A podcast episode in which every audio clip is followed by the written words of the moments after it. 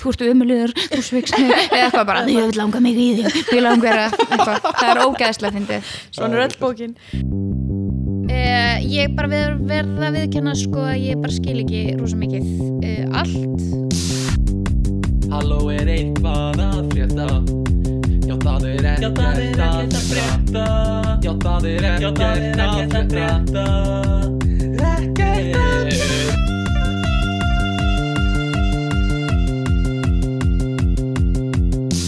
gæti ekki talað og ég þess að byrja ég að verða eitthvað að syngja? Góðan dag.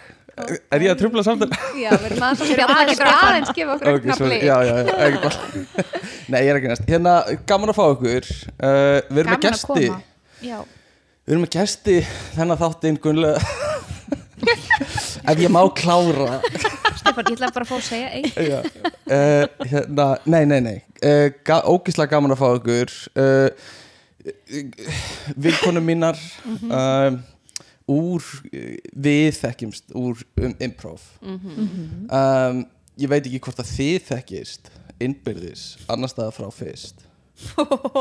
Það er bara beint á dýftina uh, En hérna uh, Já, þið eru leikuna grínistar Þannig að og, og við ætlum að ræða við ykkur um hérna bók sem þeir eru að gefa út. Og ég er ógeðslega spenntur fyrir að ræða við ykkur um hana. En svo langaði mig líka bara að tala við ykkur um grín. Og kannski spuna. Og bara hvað þið eru að gera. Sorry að ég sé að bladra Laufi Haraldsdóttir er hérna. klapp, klapp, klapp, allar að klafa, allar að brjála Yeah og Gunnlaug Jóna. Klapp, klapp, klapp, klapp. Og Gríma er líka hérna hæ Gríma Já, hæ Kristján Stóttir Kristjóðsdóttir já, já. Heitir bara Gríma, listamannafni Já. Bara Gríma Gríma, sen, Mask. eins og Zendaya Já, Alveg, Alveg eins og hún. Gríma er svolítið íslenska Zendaya. ég hef séð það Zendaya. einmitt, úr svona euphoria þáttum uh, já, hérna mm, hvað segið þið? Hva, hvernig eru stýruvakstahækkanir að fara í ykkur? oh, Ég er með fasta vexti á mínum lánum Ó, Þannig að ég er svolítið heppin En ég er svolítið stressuð eftir tvö ár Þá fá ég Já, svona skyndi hækkun Svona bara svöf, upp í 15 upp um 15% Og þá mun ég kannski verða heimilislaus. En þangað til ætla ég bara ekki að hafa ágjör af þessu. Nei, Ásgeir samt selabokastjóri var að segja öllum heimilum að fara að hugsa um þetta svolítið snemma. Að auðvitað sig. Er hann ekki Var hann að svolítið heyra bara í öllum heimilum? Já, hann var bara að hringi mig og bara, ert þú búin að uh, Já, svona eins og fyrir kostningar alltaf í, í, í uh, stúdentapolítikinni Mér langar að vita hvernig þetta er að fara í Gunnlöða Því að Gunnlöða er, er Ó. bara ein með sín lán Ég og, ætla að slæta fram þessu umræða því ég veit ok. ekki neitt Já, Ó, spennandi Svolítið. Það er bara allt að hækka og ég bara er eitthvað Þú er bara eins að ströggla og... Njá Kannski andlega Já, andlega, akkurat, já. Andlega. En ef þú grefur hausinn svona nógu djúpt þá kannski Já eins og núna, þá ætlaði ég bara að vera eitthvað svona gaman í podcasti. Já, já, og leiði leiði ykkur svona að bara ræða þetta Já. og svo svona, já ok, hvað segið þið að ræða grín, já ok, já, ég, já. Ég kann að djóka. Eh, ég bara ver, verða að viðkenna sko að ég bara skil ekki rosa mikið uh, allt. Og Nei. ég þarf svolítið að fá allt rosa mata ofan í mig bara já. eðlilega, eða þú veist þetta er ekkit þetta er ekkit gert til að allir skilja þetta. Þetta er einhverja hagfræði sérfræðingar og eitthvað. Uh, en já, það er nú annar mál. Ég ætla ekki að koma með bömmir hérna. Nei, við getum bara rætt þetta kannski í kvöld. Já, ok, bara hugmynd. Bara bunker down. Já, bara að þau útskýri svolítið fyrir okkur hvað Já, ég geti líka um. bara útskýrt. Herðu, við Já. getum, stelpur, við getum hringt náttúrulega í Unu Já, sem að var einu sem var einu sinni í hópnum Svo okkar svona áður en hann varð já. en núna er hún bara Ljóðahópur. einhver aðal banka bank, konan já, hún er sko hagfræðingur í landsbankanum. Þannig að hún Var getur eiginlega of örugglega eftir út, svo fyrir. útskýrt þetta fyrir okkur. Uh, hérna gullega, var mikrofónin að detta Hann niður? er alltaf svolítið að leka niður og niður. Ok, Laufi, getur þú hert á Já. skrúinu þannig uh, þessari, já? Við langar að hafa hans fyrir Ég kann sko á svona statíf Þú ert ekki eins og aðra stelpur. Nei, ég kann á græður Kannt og græður eins og, eins og mikrofónstatíf Já. eins og mikið fyrir stati Nei, svolítið Já, ándjóks en svo er náttúrulega heiða líka hagfræðingur. Hún er náttúrulega í hópnum. Svo þar fyrir utan. Við erum með svo lögfræðingur. Já, Þær Og svo höfðu það við og svo við litlu listaspýrutna sem veit ekki neitt um fá ekki peninga. Uh, Já, gaman, þetta er akkurat ykkur sem ég vildi fá nefnilega í þáttin sko. ekki, ekki taka heiðu með ykkur ekki Nei. taka mikið. með ykkur, ekki taka alls ekki taka þér Praktísk mál. já. en hérna um, sko, við ætlum að mér langar svolítið að tala um hópin ykkar á eftir og hver þið eruð en ég er búin að sjá svolítið á samfélagsmiðlum einhverjum svona herf, herf einhverjum svona Já. markasherferð hjá okkur. Uh, það sem þið talið um ást. Og uh, uh, þeir eru alla með eitthvað svona kvót um ást uh, hvernig þau svona uh, hvernig er svona pælingin bakvið þetta, var Gunnlaug bara eitthvað svona já, stelpur, skrifiði niður þrjá línur um ást og ég ætla að posta þessu Já, Eiginlega. basically Já. var það þannig. Það er smá þannig. Sko, já, að því að Gunnlaug er svolítið svona samfélagsmeila stýran okkar þá, hérna, að því að hún þú veist, er bara góð í því og, og tekur allar þessar fallegu myndir sem að við erum alltaf að posta og vinnur myndefnið, þú veist, eins og myndefnið sem er að koma út samlega bókinni. Já, uh, þannig að já það, við rosa margt sem við skipulegjum skipuleg er gert innan hópspjalla eiginlega of mikið. Það, við notum hópspjalla eiginlega of mikið. Það er svo mikið. Uh, en þannig að á, það kom bara frá Gunnlöða hópspjalli. Ég held að vera kjút ef að þegar við postum þessum myndum að þá kom eitthvað svona pæling um ástina frá hverju einni og og þær þóru náttúrulega ekki að segja nei þannig að það bara var það sem við gerðum hún er svona samfélagsmeðlega harðstjóri. Já ég, Nei, ég við vorum bara það. sammála að þetta verið góð niður með pissuna já, Laufi, segðu meira segðu Já, meira hún er náttúrulega hæfilega rík og falleg og góð og ætlar ekki að skjóta mig. En hérna, hva, hversu erfitt var fyrir ykkur að láta ykkur svona, detta eitthvað í hugum ást? Eða kjarna eitthvað, einhver svona ykkar tilfinningar um ást Við vorum alltaf búin að vera að pæla eða þú veist, við vorum búin að vera að skrifa ljóðbókin okkar er allt einhvers svona einhvers konar ástabref við vorum kannski búin að vera að pæla svolítið í ást já, hausin var kannski smá þar að einhverju leiti Uh, en svo var það alveg miservitt fyrir okkur sko, því að nú var ég tengilegurum við ykkur að byggja um textana sumar þurftu stundum að fá svona frest bara eitthvað, ég get ekki sett Ég mig í þetta núna. náttúrulega, ég náttúrulega geri ekkert nema á síðustu stundu. Ég skil bara vi- viðurkenna það hér og nú að það grími er mynd bara, kom líka síðust inn. Það, Já. ég ákvað það. Já, af því hún veit þetta um mig. Já. um, En það er svona svo fyndi, hefði ég verið fyrst þá hefði ég líka sendir strax, skilur við já, já, já, En um já. leið og ég fekk allan frestin þá náttúrulega Einmitt. notaði ég allan frestin sjálfsögðu. Ég get ekkert gert öðru sig. Og þá skrifaði ég þetta á hálfri mínútu. En ást Já. er að nota allan frestin Anna, mjög sett. En þetta var, þetta var svolítið svona eins og þetta sem var alltaf í mokkanum. Já, já, já, einmitt. Sem er mjög kjút sko. Það var svona smá pælingin smá kunnulegt við vorum naktar á þessu myndum Rétt, þannig að við erum lítið nakið fólk en er ást eitthvað sem er svona jákvætt í ykkur huga? Hefur þetta alltaf verið gott svona samband á milli ykkar og ástar í genið tíðina? Sko, ef þú lest bókin Já, nei. Ó, nei, þú þarf það er rosa, já, það er rosa margt neikvægt í þessari bók. Aha. rosa mikið líka svona ein- einhliða ást og eitthvað svona. Þess vegna er þetta óum, óumbeðin ástarbrif heitir Einmitt. bókin. E, þannig já, nei, ekki alltaf jákvægt en samt Það er einhvern veginn samt alltaf svona- að leita að og, og vilja, þú veist, góður hliðina. Já, ég meina ég held samt sko að ást sé alltaf góð. Þú veist, bara ástin en svo Já. bara svo margt sem þú veist, fylgir henni. Já. skil ekki við mig Var þetta stór partur af til dæmis uppvexti? Eða svona þegar þú eru lítil var þetta þú veist ég ætla að finna mér einhver til að elska eða var það meira ég ætla að lifa góðu lífi eða já, ég held að er ást sjúk já, bara svo það sé sagt. Þú skrifaði það líka á Instagram þannig að þetta er alltaf já, ég skrifa Það það sko. það sem að- er, er það official eða komið á Instagram? Ég myndi segja það, Ég er officially eitthvað sem ég ætla bara að ástsjúk. segja það, ég er ástsjúk. Ok. Já, þú veist, það er mjög ofinbært að því þú settir það inn á ég var búin að gleyma, ég sko er náttúrulega ástir. set alls konar já, var einmitt, það var bara um daginn. Ég var búin Það að var bara um gleyma. daginn, hérna í það bara, já, ég náttúrulega er eitthvað sko svona. sískin mín eru oft bara eitthvað gulna þú ert alltaf persónlega á netinu ég, en þú veist, ég gleymi því sjálf. Já, já, já. þannig að ég er bara eitthvað, já, já, alveg vita allir þín dýfstu hjartans Já. mál og þú ert eitthvað, hæ, ó. En það er mjög skemmtilegt. En Eh, þannig að þú veist þetta hefur verið eitthvað, þú, þú ert ástsjú eins og þú segir, en býði það að þú ert mjög þú ert mjög auðvelt með að verða ástfangin eða bara svona hugmyndin af ást Já, sko hugmyndin um ást fyrir mér er rosa svona ég með hana rosa svona romantíseraða en sko líka því meira sem ég eldist uh, þá breytist hún líka samt. Ok, uh, bara mjög mikið. Uh, Þross, myndur þú segja hún þroskist? Já, 100% eða þú veist, eh, ég man bara þegar ég var unglingur og þá hugsaði ég alveg þú veist, mér langar bara að finna einn mann og vera með honum Já. að eilífu Já. og ég held að það sé reyndar bara mjög algeng hugsun, en ég dett alveg í það ennþá bara nú þarf ég að finna einhvern sem ég get verið með að eilífu Já. uh, sem er, En það er mjög þægilega einföldun. Eða þú veist, það er það, þú veist, þú vilt ekki hugsa nú ætlum ég að finna einhvern vera brjálaslega ástfangin og svo ætlum ég að gangi í gegnum ástasorg eftir fimm ár. Guð, ég hef aldrei ennst fimm ár sambandi. En, en þið veitir, þú veist, það er alveg svona þú veist, Já. þá er, sko- ertu sjálfkrafa líka búin að sko uh, loka á einhverju hugmynd.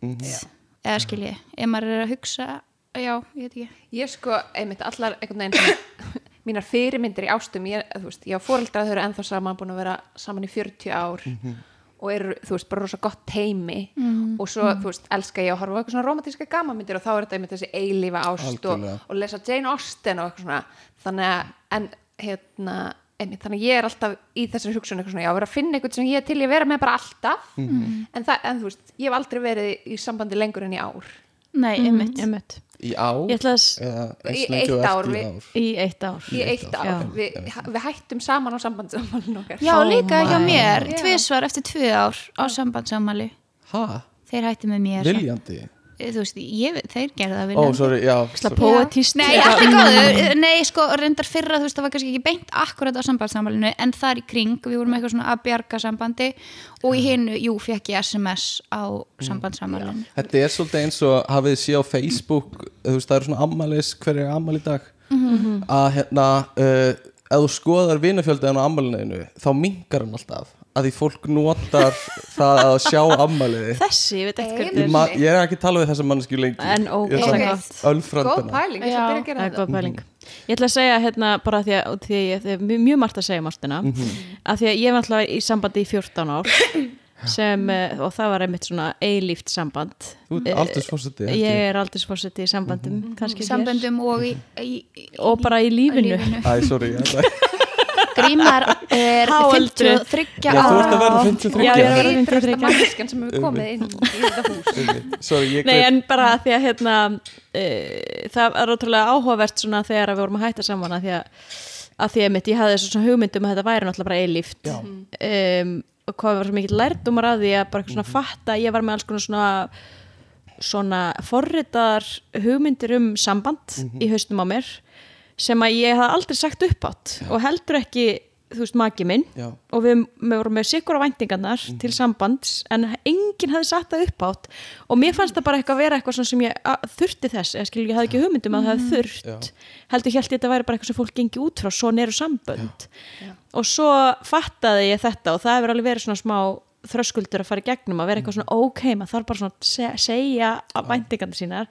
Og þá opnaðist á einhverjum svona dyrum að það bara væri til alls konar ást, þú veist, bara stutt ást og löng ást og, og vina ást sem er líka einhvern veginn svona, en það, það er bara hægt að það er hægt að tegja þetta hugtak svo langt, þú veist. Og flækja og vinda upp og flækja og vinda eitthvað upp á það en þú veist það er þetta bara með að vera með væntingar og bara vera heiðalegur um hvað maður þarf og hvað maður vill út eins og það er ótrúlega eitthvað svona boring og einmitt ekkert sérstaklega. Nei. eða Þetta er, romantisera en það verður svo ótrúlega fallegt og innilegt þegar maður næra að fara þanga sko. Af því að þetta er líka vinna. Já, klárt mál. Og hérna og eitthvað svona ábyrða á okkur sjálfum sem við viljum helst ekkert þurfa að taka. Við viljum svolítið fá bara frí frá ábyrðinni í or- örmum einhvers elskuða sko. Algjörlega. Um, en hva, hver er svona skoð eða svona tilfinning eitthvað gagvart uh, þessari hugmyndum ástu fyrstu sín hvað er það? Er það raunverulegt fyrirbæri? Já, 100% Já, Nei, en, þú veist, það- nei, en, en, en, já, Sko ég held að við laufi séum svona svipar með rosa margt og svo að gríma eins og komið eitthvað- fram. Við laufi erum með eitthvað svona rosa Já. hugmyndir en hefum ekki enns lengur en eitt eða tvö ári sambandum og gríma er alveg búin að vera sko 14 ári sambandi og hún veit út af hvað það gengur. Já, en nei, ég held að það sé bara allt önnur ást. Eins og Grími var að segja, það eru svo margar Já. tegundur af ást og ég held að ást við fyrstu sín sé, þú veist, eitthvað svona svona smá delusional eh, sambland við eitthvað losta, skilur en það er, þú veist, maður bara finnur það með eins og einmitt vinarsamband líka og svona, það er stundum sem maður bara tengir við fólk strax. Og það er alveg hægt í ástum líka uh, en þú veist, En hvort, bara- að, hvort að endist er Já. hins vegar bara, eh, held ég bara svona mjög ég held að það sé bara mjög hættulegt að treysta á það því þú veist, ef þú ætlar að treysta bara á svo svona fyrstu tilfinningu að þá allt í hennu brenglast allt, þú veist, að þú veist, að, þú veist, aldrei hvað hinn er að pæla eða hvað þú viljið eða neitt, en, En svo er alveg fólk sem að náttúrulega næra, þú veist, þessari tengingu og næra tjá sig svo fallega að það næri einhverju svona fallegu Einmitt, samband verður út úr svona því. einhver instant tripning og svo bara funkar þau vel saman líka Já, en svo líka náttúrulega bara eins og ást þú sérð e, e, lítið barn í fyrsta skipti Mhm. -hmm. veist, það er mjög erfitt að elska það ekki þú veist, ef þetta er barn vinkonu eða Mhm. þú veist, liðið frænka frendi eða mér finnst það líka að vera Já, algjörlega. bara svona gott dæmi um bara þú sérð einhverja manneski og þú ert bara, ég elska þig ógeðslega mikið en líka Algjörlega. sko eins og í bókinni þú veist, sem við allavega það sem ég skrifaði er rosa mismurandi hversu lengi ég þekkti fólkið sem ég skrifaði um en það þú veist kannski hafði rosa mikil áhrif á mig, þú veist, sum, sumir sem ég skrifaði ljóð til þekkti ég kannski eina kvöldstund eða nokkra daga eða eitthvað, en veist, tilfinningarna mínar voru svo sterkar þannig að það er kannski svona þetta er svo, já líka oft í, í bókinni er þetta eitthvað svona fólk sem ég, ég elskaði eða var skotin í sem að og ég fekk tilfinningarnar aldrei tilbaka. Þannig að það er tvær mismundi típur af ást. Þegar að þú elskar eitthvað og þegar þið elskið hvort annað annað. og fáið svona uh, það er svona samsvörun á milli ykkar já, einmitt. sem er miklu Já, ég held sko að mitt bara svo að koma inn á bókina aftur e, að því að við erum náttúrulega fimm sem erum að skrifa hana Já. og eins og Laufi segir, við erum allar að skrifa um, um eitt mjög ólík og mismunandi sambönd og sumt frá því að við vorum rosa ungar og sumt bara mjög nýlegt og um eitt eitthvað sem voru alvöru löng sambönd uh, og sumt sem er mitt kannski einhver sem þú þekkir ekki einu sinni eða þú veist, sem er svona ömmitt, við veist það skemmtilegt þú veist, þegar maður fer í gegnum hana og ég náttúrulega líka veit mikið á sögunum og bakveða en ég held samt líka ef maður er að lesa án þess að vita að þá fær maður alveg þá tilfinningu bara svona mismunandi tegundir af einhvers konar ást eða þú veist, jú, jú, stundum einhverjum losta eða löngun eða þrá eða þrá í ást. Já, Eh, hérna, já, bara svona til að loka umræðinu með hana uh, ástu fyrstu sín og eitthvað svona. Mm -hmm. mynduð þið segja að það væri hægt að líka þessu á einhvern hátt við svona nature versus nurture í hvernig svona karakter fólk hefur að þú færða eitthvað bara við bara fæðingu frá fyrst, við fyrstu sín frá fóruldreinum en svo skiptir máli hvernig þú elst upp og hvernig þú vinnur í sambandi.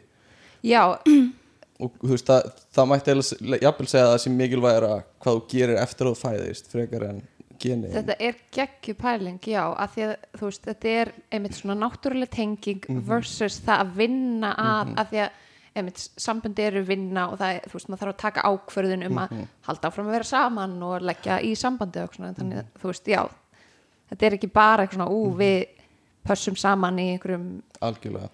Heldur, já, við, við ákveðum saman að, þú veist, halda Mér, áfram. ég sé svolítið þannig Já. leyti. Já, líka bara þú veist að að við munum alveg, þú veist, hrífast af fólki og við munum örgla, þú veist, ást fleitur okkur hans er langt en ég held alveg að það muni alltaf vera, þú veist eins og ég held að ég hef orðið óslega hrætt alltaf þegar það urði einhver svona ágreiningur og eitthvað svona.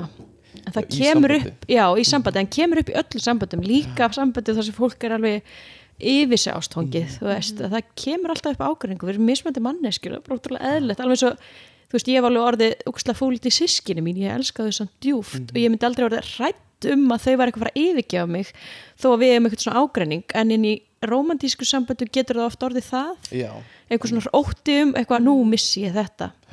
Þannig ég held að kannski svona ég held klálega líka bara væntingadur okkar til ástar eins og þau voru að tala um fyrirmyndirnar ykkar. Já. þú veist ég átti líka svona fóreldra sem hengu saman heilengi en þau voru ekkert sérstaklega glöð og amingsum um, og það er ótrúlega skrítið að ég hafi svo hangið inn í sambandi rosalega lengi ekkert sérstaklega glöð og hamingisum vegna þess að það var bara fyrirmyndi mín maður bara hengur, hangi saman eins lengi maður getur veist, einmitt. þannig að hérna Einmitt. og lærði ekki þetta mitt, hvernig maður á að næra samband og læra bara eitthvað svona að Ég- laga það ég held að þetta sé mjög mikilvæg punktur með þetta hræðslan einhvern veginn við að fólk yfirgefið þið sko. Mhm. -hmm. að því þetta er svo mikil man, maður upplega oft sem svo mikil ég veit ekki hvort maður myndi segja maður, þegar maður lendur í ástarsorg já, að þú veist ma maður á það til að upplega einhvern veginn þú veist þú bara vilt ekkert, þú veist manneskjan sem ég held að vera besti vinnu minn -hmm. Vill allt í henni ekkert með mér hafa. Þetta er líka bara svolítið svona högg á egoið sko. Algjörlega. Uh, þú veist, það er svolítið mín upplifun bara ok, þú veist, þetta, fer, þetta er svona, já, eitthvað annað, því að þú veist líka að manneskjan getur svo farið strax og valið aðra mannesku sem hefur gerst. En eða þú veist, er búin að velja aðra manneski og þú veist, svo er hætt með mér og alls Já, konar, velja áður. Já, eða skilur bara eins og framhjáhald en líka bara, þú veist, ef einhver, hérna, þú ert að hitta einhvern eða eitthvað það er bara, nei, ég er að hitta aðra eða ég fann aðra. Þá er það svona, þú veist, ekki bara þó sé ekki ennþá endilega orði ást, þú veist, bara þegar maður er eitthvað að deyta eða eitthvað, en það er það svona ó, það var einhver annar valinn sem er betri en ég, þó það hafi ekkert með það að gera en ég held að tilneyingin er algjörlega tilneyingin er bara hvað, af hverju ekki hef ég ekki nóg algjörlega. að Ég- gefa. það er, það er algjörlega svona það sem manni var hugsar. Já, þó að það sé ekki þannig í langflestu tilfellum. Nei, alls ekki, þú veist, það er bara það er svona ótrúlega margt sem spilar saman og það er náttúrulega eiginlega hálf sturlað uh, að vera með annari manneski eða, eða skilji bara líkurnar á því að það gangi vel og að þið fungeri vel saman og þið séu hrifna hvort þau eru útlitslega og andlega og uh, þú veist, að dagskráin ykkar líka bara passi saman.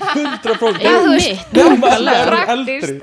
þú veist, núna því ég er búin að vera núna innhleyp í hvað, eh, að vera fjögur ár og bara mikið að gera hjá mér. Og ég er líka bara eitthvað hvernig þú veist, hvenar ætti ég að hafa Já. tíman, eða þú veist, ég bara Já. sé ekki hvernig þetta vir- virka, sko. Einmitt. En það er partur af vinnunni og forgóðsröðum nefnilega, algjörlega. Og en þú þarft, þú getur ekki gert það samt bara fyrir hvern sem er, finnst mér oft. Nei, eða þú veist ég, ég er að segja ég þú veist, ég gæti ekki bara uh, þú veist, forgóðsraða mismunandi bara fyrir mannesku sem ég er ekki hrifin af, bara Nei. einhver manneska sem ég er að hitta. Að því að svo líka maður að sinna, að þú veist, eins og ég er ver, eða þú veist, kýsa að verja líka miklum tíma með öðru fólki sem ég elska fjölskyldu og vinum og vinkonum og þú veist, þetta er alveg það er bara hellingsvinna að þekkja fólk sko. Já, nefnilega sko. Og að sinna því eða þú veist Já, bara svona, einmitt, að- rækta að- sem maður sambandið. vill, rekta samband einmitt. 100 manns, þú getur átt 100 vinni það Já. er talan sem vísandum Það er Og talan. hinn eru allir búin að sjá á ammálinu þínu já, og hætta á Facebook að hætta vera vinn Uh, síðasta spurning svona um ást áður en að við ó, höldum áfram. ég vil tala meira um Já, Já, það alltaf gaman að tala um kom- á Já. við komum aftur örgulega inn í það tengdu umræðanum en uh, bara svona ef þið þrjár getið kannski svona uh, einhvern veginn svona brainstorma saman uh, tilfinninguna að vera skotin í einhverju. Oh my god. Ég fekk svona fyrir já, ég fekk svona, ó, það er svo gaman. Það er svo gaman en en það líka er erfitt. Erfitt Vá, Við Það er so sko, við buddies. lefum náttúrulega átt saman kærastan. Já. bara á, já, á sama tíma eiginlega. Þannig að bara svo því sem haldið til þá erum við á svipuðri Oh bylgjulengt Þetta er sko. ógeðslega gott. Ég er, bara, ég er að sjá meira og meiri tenginga á milli ykkar, ég er Þetta bara "Oh, þetta er creepy við þið taluð opið um það? Eða þú veist, er það eitthvað þeng? já, ég veit ekki svo hvað við svona tala það í podcasti ok, sorry en þetta er svona ekkert, ég meina þetta er ekkert leyndamál þú veist, af því að Nei, nei. ég er líka rosa mikið að vanda með að vera ekki meðvirk sko með eins og mönnum sem kannski heldur fram hjá mér að því eitthvað, neini, Einmitt. sambandi gekk ekki vel en þú veist, þau eru svo að posta myndir á svo á Facebook, þú veist, það vita þetta allir Já. en svo ég er að segja, en ekki það ég ætla að í það núna, ég er bara svona að segja þetta er svo fyndið með svona Já, já, sambönd já. þegar eitthvað er kemur eitthvað upp sem og maður er alltaf að að verja vernda. það. Nei, nei, nei, nei, en já. En hvernig er það að vera skotin í einhverjum? Já, það var spurningin, magan, sinni þegar- kærasti mig glemt að hætta með mér formlega og svo fekk ég allt í enn Facebook skilabóðum Er það að hann ætlaði að byrja með gunnlöð oh my god. Og veist. Oh skilur ekki máli.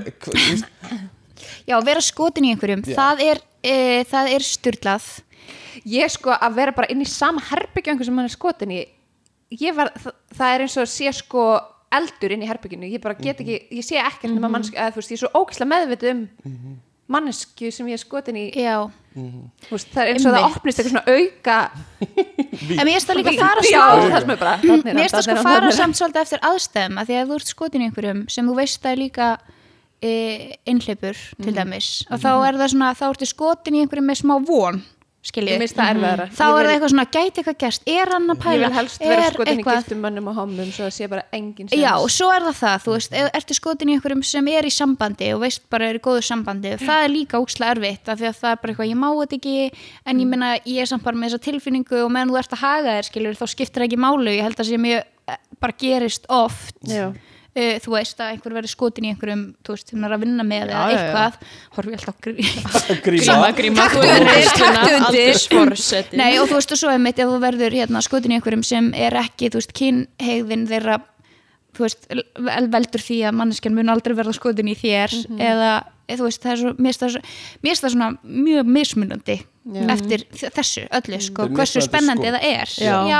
Ég ætlaði um til að segja, ég held að ég sko hafi svolítið bara frekar nýlega uppgötvað hvaða er mikið munur á milli þess bara eitthvað svona, eitthvað svona flörti þar sem maður er eitthvað svona, ú, það er eitthvað að gerast hér, ú, það er eitthvað spenna hérna og svo getur maður bara uppgötað daginn eftir að tveimundum eftir eitthvað svona, já, nei, mér finnst þetta ekki. Það var bara spennandi að því ég var að fá smá aðtikli eða hvar þú ert í tíðarhingnum ég ætla bara Já, að fá að og við skulum hafa halda því til haga það skiptir Stefán, mjög bara miklu eða, eða sko að því að ég hef alveg átt svona, þú veist, tvö, þrjú skotum æfina þar sem ég bara eitthvað svona í hvert sinn sem ég sé þess að mannskjar ég bara eitthvað, ó, þessi ó. þú veist, það er bara eitthvað svona ég bara svona innilega er bara svo skotin, ég held það sé ótrúlega sjálfgeft að fólk finni hvort annað þar. Þú veist að báðir séu bá, þess, bæði séu bæði eða báðir eða báðir eða ég- allt í einu eitthvað svona, "Ö, hvað ætlum ég að segja? Allt fólkið. Eh, allt fólkið, nei að, að hérna, báðir aðilar séu jafn skotnir hvori öðrum. Enginn sé bara að elta eitthvað svona ú, ég er að fá aðtegli á sama tíma þú veist, og þetta sé að gerast á sama tíma og þau séu bá, bæði ótrúlega heillu hvort af öðru. Ég, Er það ekki svo gaman þegar þú uppgötar það? ef það myndi nú einhvern tíma að gera. Sjálfgæft ég er það ég held að sé já. sjálfgeft sko, ég held að sé miklu algengara. Það svona sko, ég, að, en það er líka svo mikil hætta einmitt að þú haldir að þessi töfrar sér að gerast. Þetta er það sem ég er hrættust við bara í. Já. maður haldir að þessi töfrar sér að gerast og svo kemur ljós að það, það var bara mín megin Það er bara því þess vegna vil ég freka ömurlegir. vera skotin í fólki sem ég já. veit að er engin sér Já, Já, en já, það er nefnilega málið sko sem ég fyndi svolítið svona að e, yngri ég varði líka pínu bara eitthvað svona skotin í einhverju sem var einmitt skotin í mér að því að ég fekk aðtikl eða þú veist, Já. ég fekk aðtiklina svo svona eftir á higgja var ég eitthvað nei, þetta var ekki svona töfra hérna, veist, það var ekki að því ég var búin að vera skotin og hann var búin að vera skotin og svo gerðist eitthvað. Já. þannig ég er að byrja því og það er að verða mjög frustrarandi af því að það er það, það er, þú veist, það er mjög sjálfgæft sko. en, Hafið unnið í því að láta einhvern vera skotin í einhver svona reynda. Já, hvað gerður þau löfi? ég bara fór að mingla. mæta á stað. sem ég, staði sem ég vissi að hann Já, Já, ég hef gert það. Já, og bara veist, hafa áhuga á sömur hlutum á hann og eitthvað svona passa alltaf því ég er á samstæða hann og að þú veist, vera sæt. Já. Uh, Eða, veistu, ég, já, við gerum þetta öll. Já, og mér Já. finnst þetta svo fyndið af því að þetta er eins og fuglar í já, bara svo frumskóginum. dýrslegt. Þetta er bara, já, þetta er svona eins og þegar við vorum unglingar ef við vorum MSN og einhver sem ári skotin í Oh er að þá, þá lokkaði maður sig inn, út, inn og út og inn og út þannig að það poppaði upp bara Gunnlega þess login, Gunnlega þess login þannig að það er örgulega ekki framhjá hér er ég tilbúin að spjalla bara fjæðrindar út bara 2009, Bara, ég gerði þetta alla páskuna 2009 getur sagt. þetta er, og líka bara það var ekkert grín að tengjast við netið og loka sínu MSN, þetta var alveg, skilur þetta var alveg prósess þetta var bara möguna dansinn þetta er ógeðslega fyndið sko. Að ég held að við gerum þetta öll og líka til að eignast vini sko. Að þú veist, ef maður er eitthvað, "Ó, þessi stelpa hún er geggjuð. Mér langar ógeðslega að vera vinkona hennar. Að það er svona, þetta er svipa, þetta er svona að gangi augun á einhverjum. En samt, en líka, Já. e, líka einmitt bara svona til að hafa afsökun til að tala við eitthvað eða þú veist eins og Já. þú Já, ég er mjög gera góð í þetta finna með vini, afsökunir til að tala við veist, ég, þegar ég byrjaði í mentiskóla var stelpa sem að mér langa verið vinkonir þannig að og hún var alltaf að tala um Twilight það, þannig ég las allar Twilight bækurnar á svona viku svo við hefðum eitthvað til að tala um. vá, það er endar og við erum vinkonir, þetta commitment. virkaði sko. Sér ekki eftir því núna. Ég ætla að segja talandi um vini. Ég á til sko að verða skotin í vinum mínum Já, ég verð alltaf vinum pínu svona ymitt, þetta er eitthvað svona sem að ég hef hýrt að fleiri er, þú veist, þannig að ég, ég verð bara hrifin af manneskum þegar ég hef svona kynst Já. heldinni, eða fattið mig Já. þú veist, ég hef alveg líka fengið svona skot þar sem maður er bara eitthvað, wow, heillandi.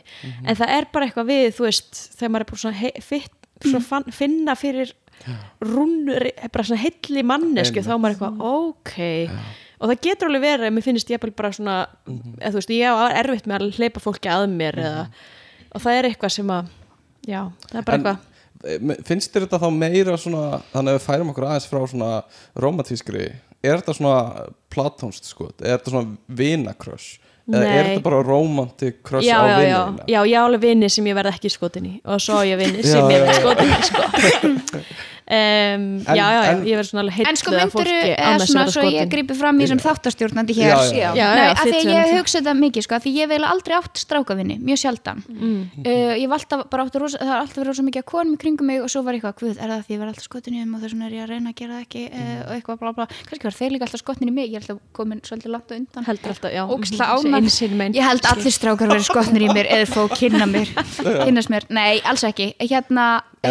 að eh, en, sa, en samt, ég menna nei, en ég var að spá sko að því þú segir þetta veri svona skotin skotin. Mm að því ég hef stundum hugsað þetta þú veist, að því ég hef átt vinni og ég er eitthvað, ó, er ég skotin í honum? Eitthvað svona, svo ef ég hugsa einu skrifa lengra eitthvað, ef hann myndi droppa öllu núna og vera eitthvað gunnlega, ef að byrja saman? Ertu það, sk- eða skilur eða er þetta meira svona hugmyndin um já þannig, vin, hann sætur hann skemmtilegur, ég skotin í honum. En myndi ég myndi ég, Mm, eða þú einmitt. veist Myndir myndir myndi ég, Myndi- ég myndi, ég myndi, ég myndi. Þannig að grímaður spyrja Nei. hvort þú myndir byrja með þessi vinnin sem verður skotin í skilur, er það á þeim stað? Í- sko. Hvað vin ertu skotin í, Grím? segðu það bara. Ekki að segja nei er það. Gunnar? Nei, þú veist, nei ég, að ég skilði þið svo vel sko, en Já. stundum hugsa ég þú veist, þá Jú, er ég eitthvað, já ég- þetta er platónst. En svo Já, er líka alveg vinni sem ég hef orðið mjög skotin í. Já, já, einmitt Það- það það gerist stundum. Já, já.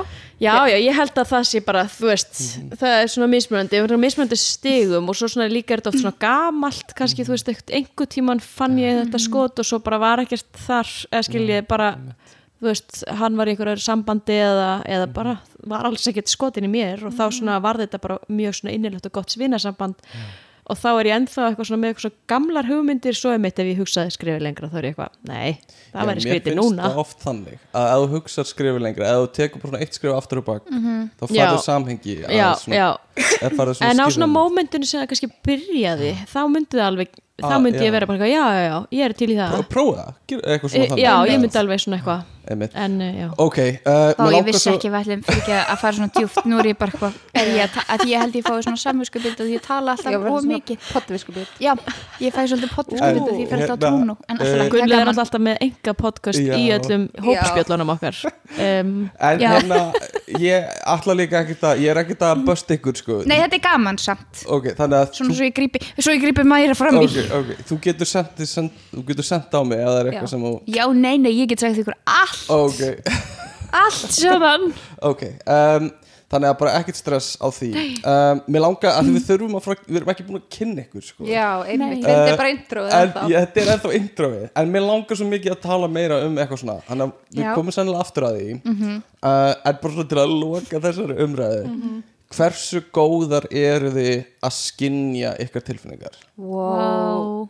svona, það, að vera skotin eða ástfangin eða þú veist eða bara jafnvel, svo megi ég alveg segja bara, bara yfir höfuð skilur við Já, á ég byrja? Já. já, Að ég setja tónin Já. Nei, sko, mér líður stundum eins og ég verði alltaf ástfangin. Aha, sem er svolítið erfitt. Bara 0 eða 10 eða hvað? Já, smá eða þú veist, auðvitað, þú veist, svo ef ég er í sambandi og það kemur svona moment bara wow, ok, ég er ástfangin. En svona í byrjun þá er það mjög bara svona ha, þú veist, þetta var hræðileg lýsing á því að vera ástfangin. En þú veist, svona, jú eða, ég veit ekki, eða þú veist já. Ég legg rosa mikið vægi í allt svona, en ég er náttúrulega ofhugsari, þú veist, um allt. En þú veist, ég er alltaf, já og ef ég verð mjög skotin þá verð ég mjög skotin. Eða þú veist ef ég verð skotin þá verð ég mjög skotin. Ef ég verð leið þá verð ég mjög leið. Ef ég verð glöð. En ég er ekki, samt ekki við eitthvað skapofsa ef það hljóma þannig Nei, ekki oft. Einmitt, ekki oft, nei. Tókst Þannig það að- mjög reitt tímabil um daginn. Já, já, En það, það var mjög kemur, gott. já, það var Já, mjög annað. gott. Uh, uh, Ég skil en ég, ég er samt sko meðvituð um þetta líka á sama tíma. Bara eitthvað, þetta er ekki eðlilegt en það er kannski, ég er kannski bara að þetta hans og sálfræðing eitthvað.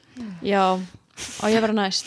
Já, við Já. erum það Vá, mér Já. líður eins og ég sé yfirheyr ykkur eða eitthvað. Já, nei, mér á finnst ég það vera flott hjá þér. næst.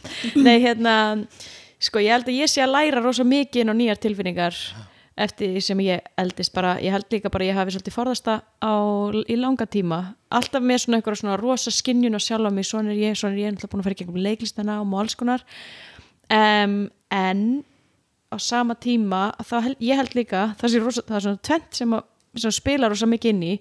Ég held ég sé með ADHD á þess að ég veist ég greind en bara kostar svolítið mikið og er rosalega tímafrægt Já.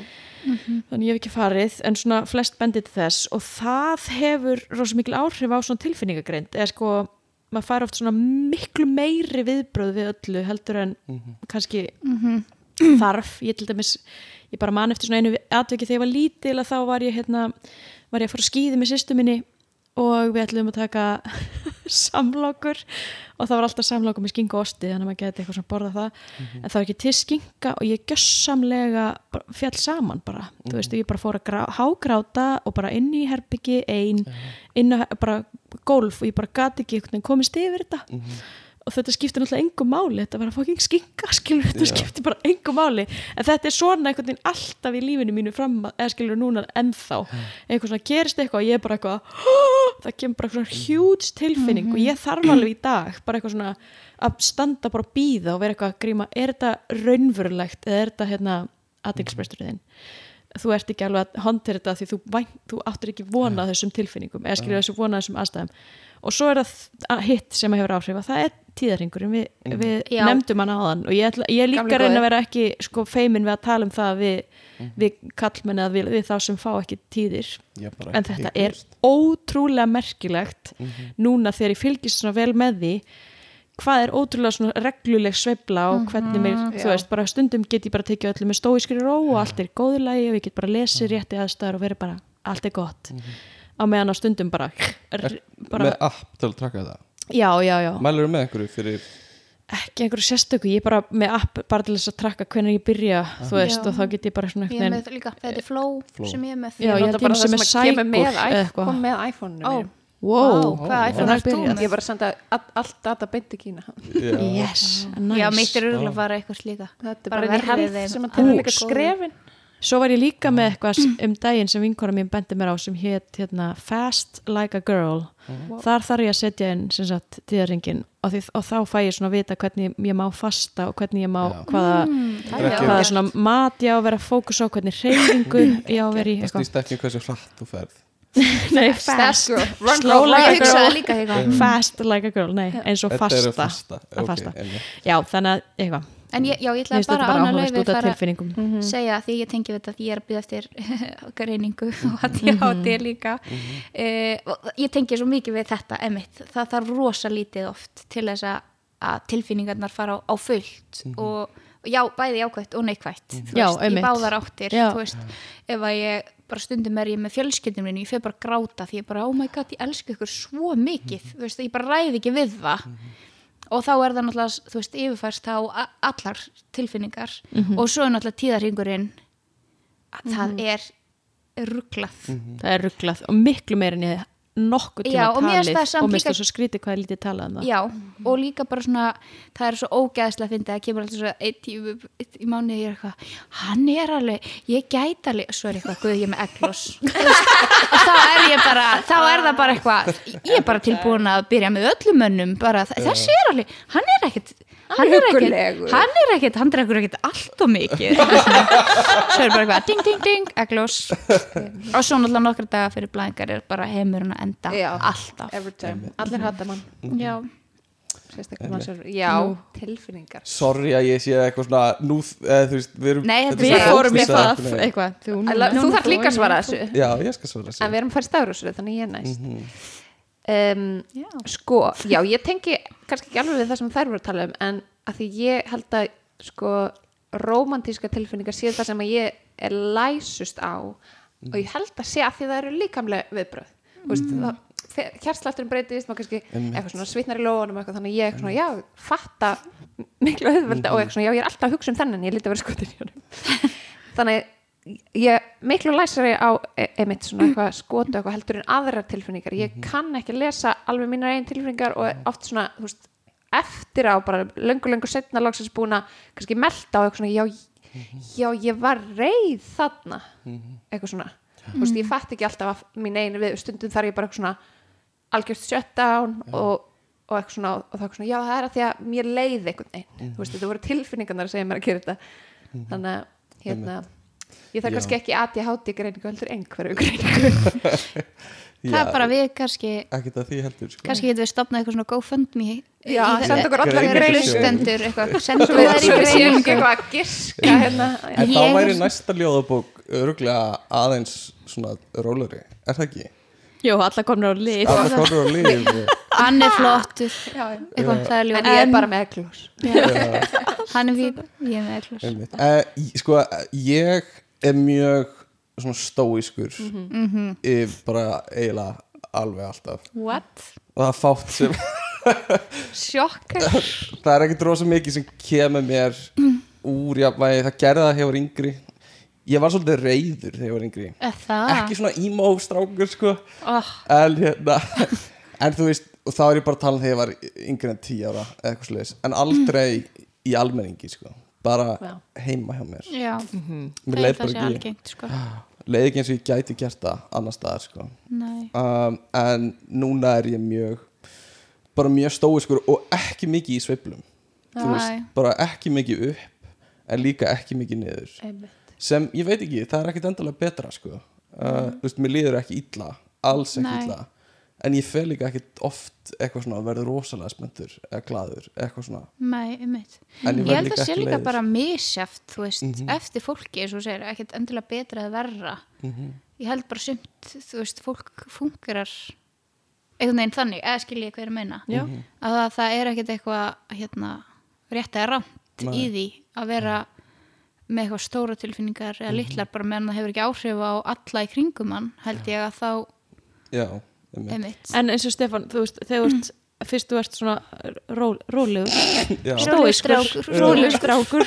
En það er ég bara spáð, þú veist, einmitt að þú spurðir í rauninni, ertu læsa tilfinninga hennar? Ek, ég er ekki. Nei, það var það sem ég ætlaði að Já. spyrja um, þú veist, finnur þær þá, eða skilur eða koma þær springandi út þegar það er allt í norðan og margar, eða skilur nefnilega ekki, ekki Nei. sko. Kannski er hann ekki kannski þarf hann greiningu. Nei, þú veist, ég finn fyrir rosa mikill svona empatík og sympatík og eitthvað svona uh, en þú veist ég er ekki síkopati hérna, Þetta segja allir. Þetta segja allir, hvað segja allir síkopatar? Ég er ekki síkopati.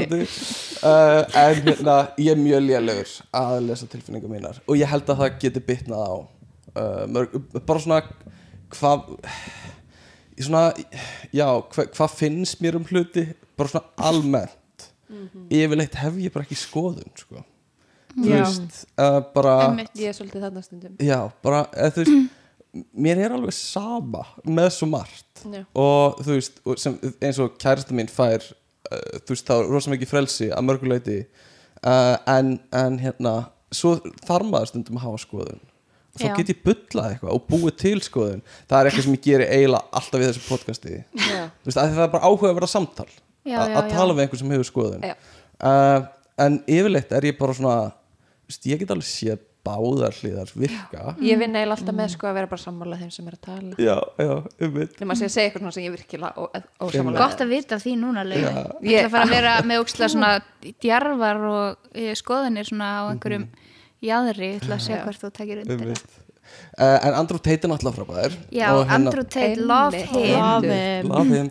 En, uh, en svo á, eru líka nokkur hluti sem ég bara hef harðar skoðanir á Mm. og þá er uh, ekkert mjög, þú veist þá já, þá hef ég skoðanir en svona þess á milli hluti sem mér finnst ekki skipta máli nenni ekki máli En það er líka bara gott, skilur, ef að það er eitthvað sem skiptir mann ekki máli Já. að eigða ekki og mikill orku í það Já. það, er, það veist, er bara en- nákvæmlega það sem ég er Já. að En ég held að sé mjög holdt samt að hafa skoðanir og ég hef lært það því að ég var rosa feimin og sagði ekki neitt. Og einmitt hef alltaf verið mjög stóísk og er það almennt, þú veist, þó ég sé með þessar tilfinningasveiflur uh, en svo svona e, finn ég hvað það getur verið svona valdeblandi að hafa skoðanir líka. Algjörlega. e, svona, og, og að segja þær upphátt að því að stundum hef ég hugsað, ég hef ekki skoðun á þessu. Mhm. og svo kannski bara um leið tek þátt í mitt samtali að þá er ég eitthvað, ok, ég hef samt skoðun á Já. þessu uh, Ég hugsa, en þetta er það sem þú sagðir áðan á við, rosa vel við mig er bara, ég, ég, ég hef ekki orkuna til að eyða í þetta. Nei, einmitt. Að því ég hef bara fullt annað að hugsa um. Eins og ef að þú veist þú hefðir í alvörinu verið að segja að Andrew Tate væri frábær þá ég myndi aldrei fara að rífast við þig. Ég myndi freka að segja Já. svona nú ég heyrði að hann væri algjör halvviti já já, einmitt, einmitt, en þú fílar hann alltaf læg já, já, einmitt. ég sem sko, þú, já, já, svo þín viðbröð væru á þessum nótum. Já, að svona skauta framhjá Já. bara. Ég held að ég geti snappað. Ég, já, því lent- ég er í þannig gýra en þá smá. Já, frá því að um reyða varstu- því ég er með svona réttlætiskend það er eiginlega eina skiptin sem ég verð svona ef ég finna það að vera að vega á réttindum einhvers Já. sem ég þykir væntum eða bara, þú veist, dýr, konur, börn, fólk, eitthvað þá verð ég bara nei, ég veit En- ég á þetta snabbt til líka sko. Já, ég, er- veit að þú átt að nei já, en ég hef bara svo háan þröskuld fyrir því. Já, er snart- ég er það líka. Þess vegna um daginn, sorry, svo ég segi þegar það er að vísi ég eitthvað eins og ég hafi verið eitthvað styrluð um daginn. En ég var sérst á Ítalíu og ég snappaði tvísvar á bara þreim dögum. Fyrst á lestar starfsmann og svo á starfsmann uh, á flugvellinum að, í, í, á, hérna, hver var ég, Róm.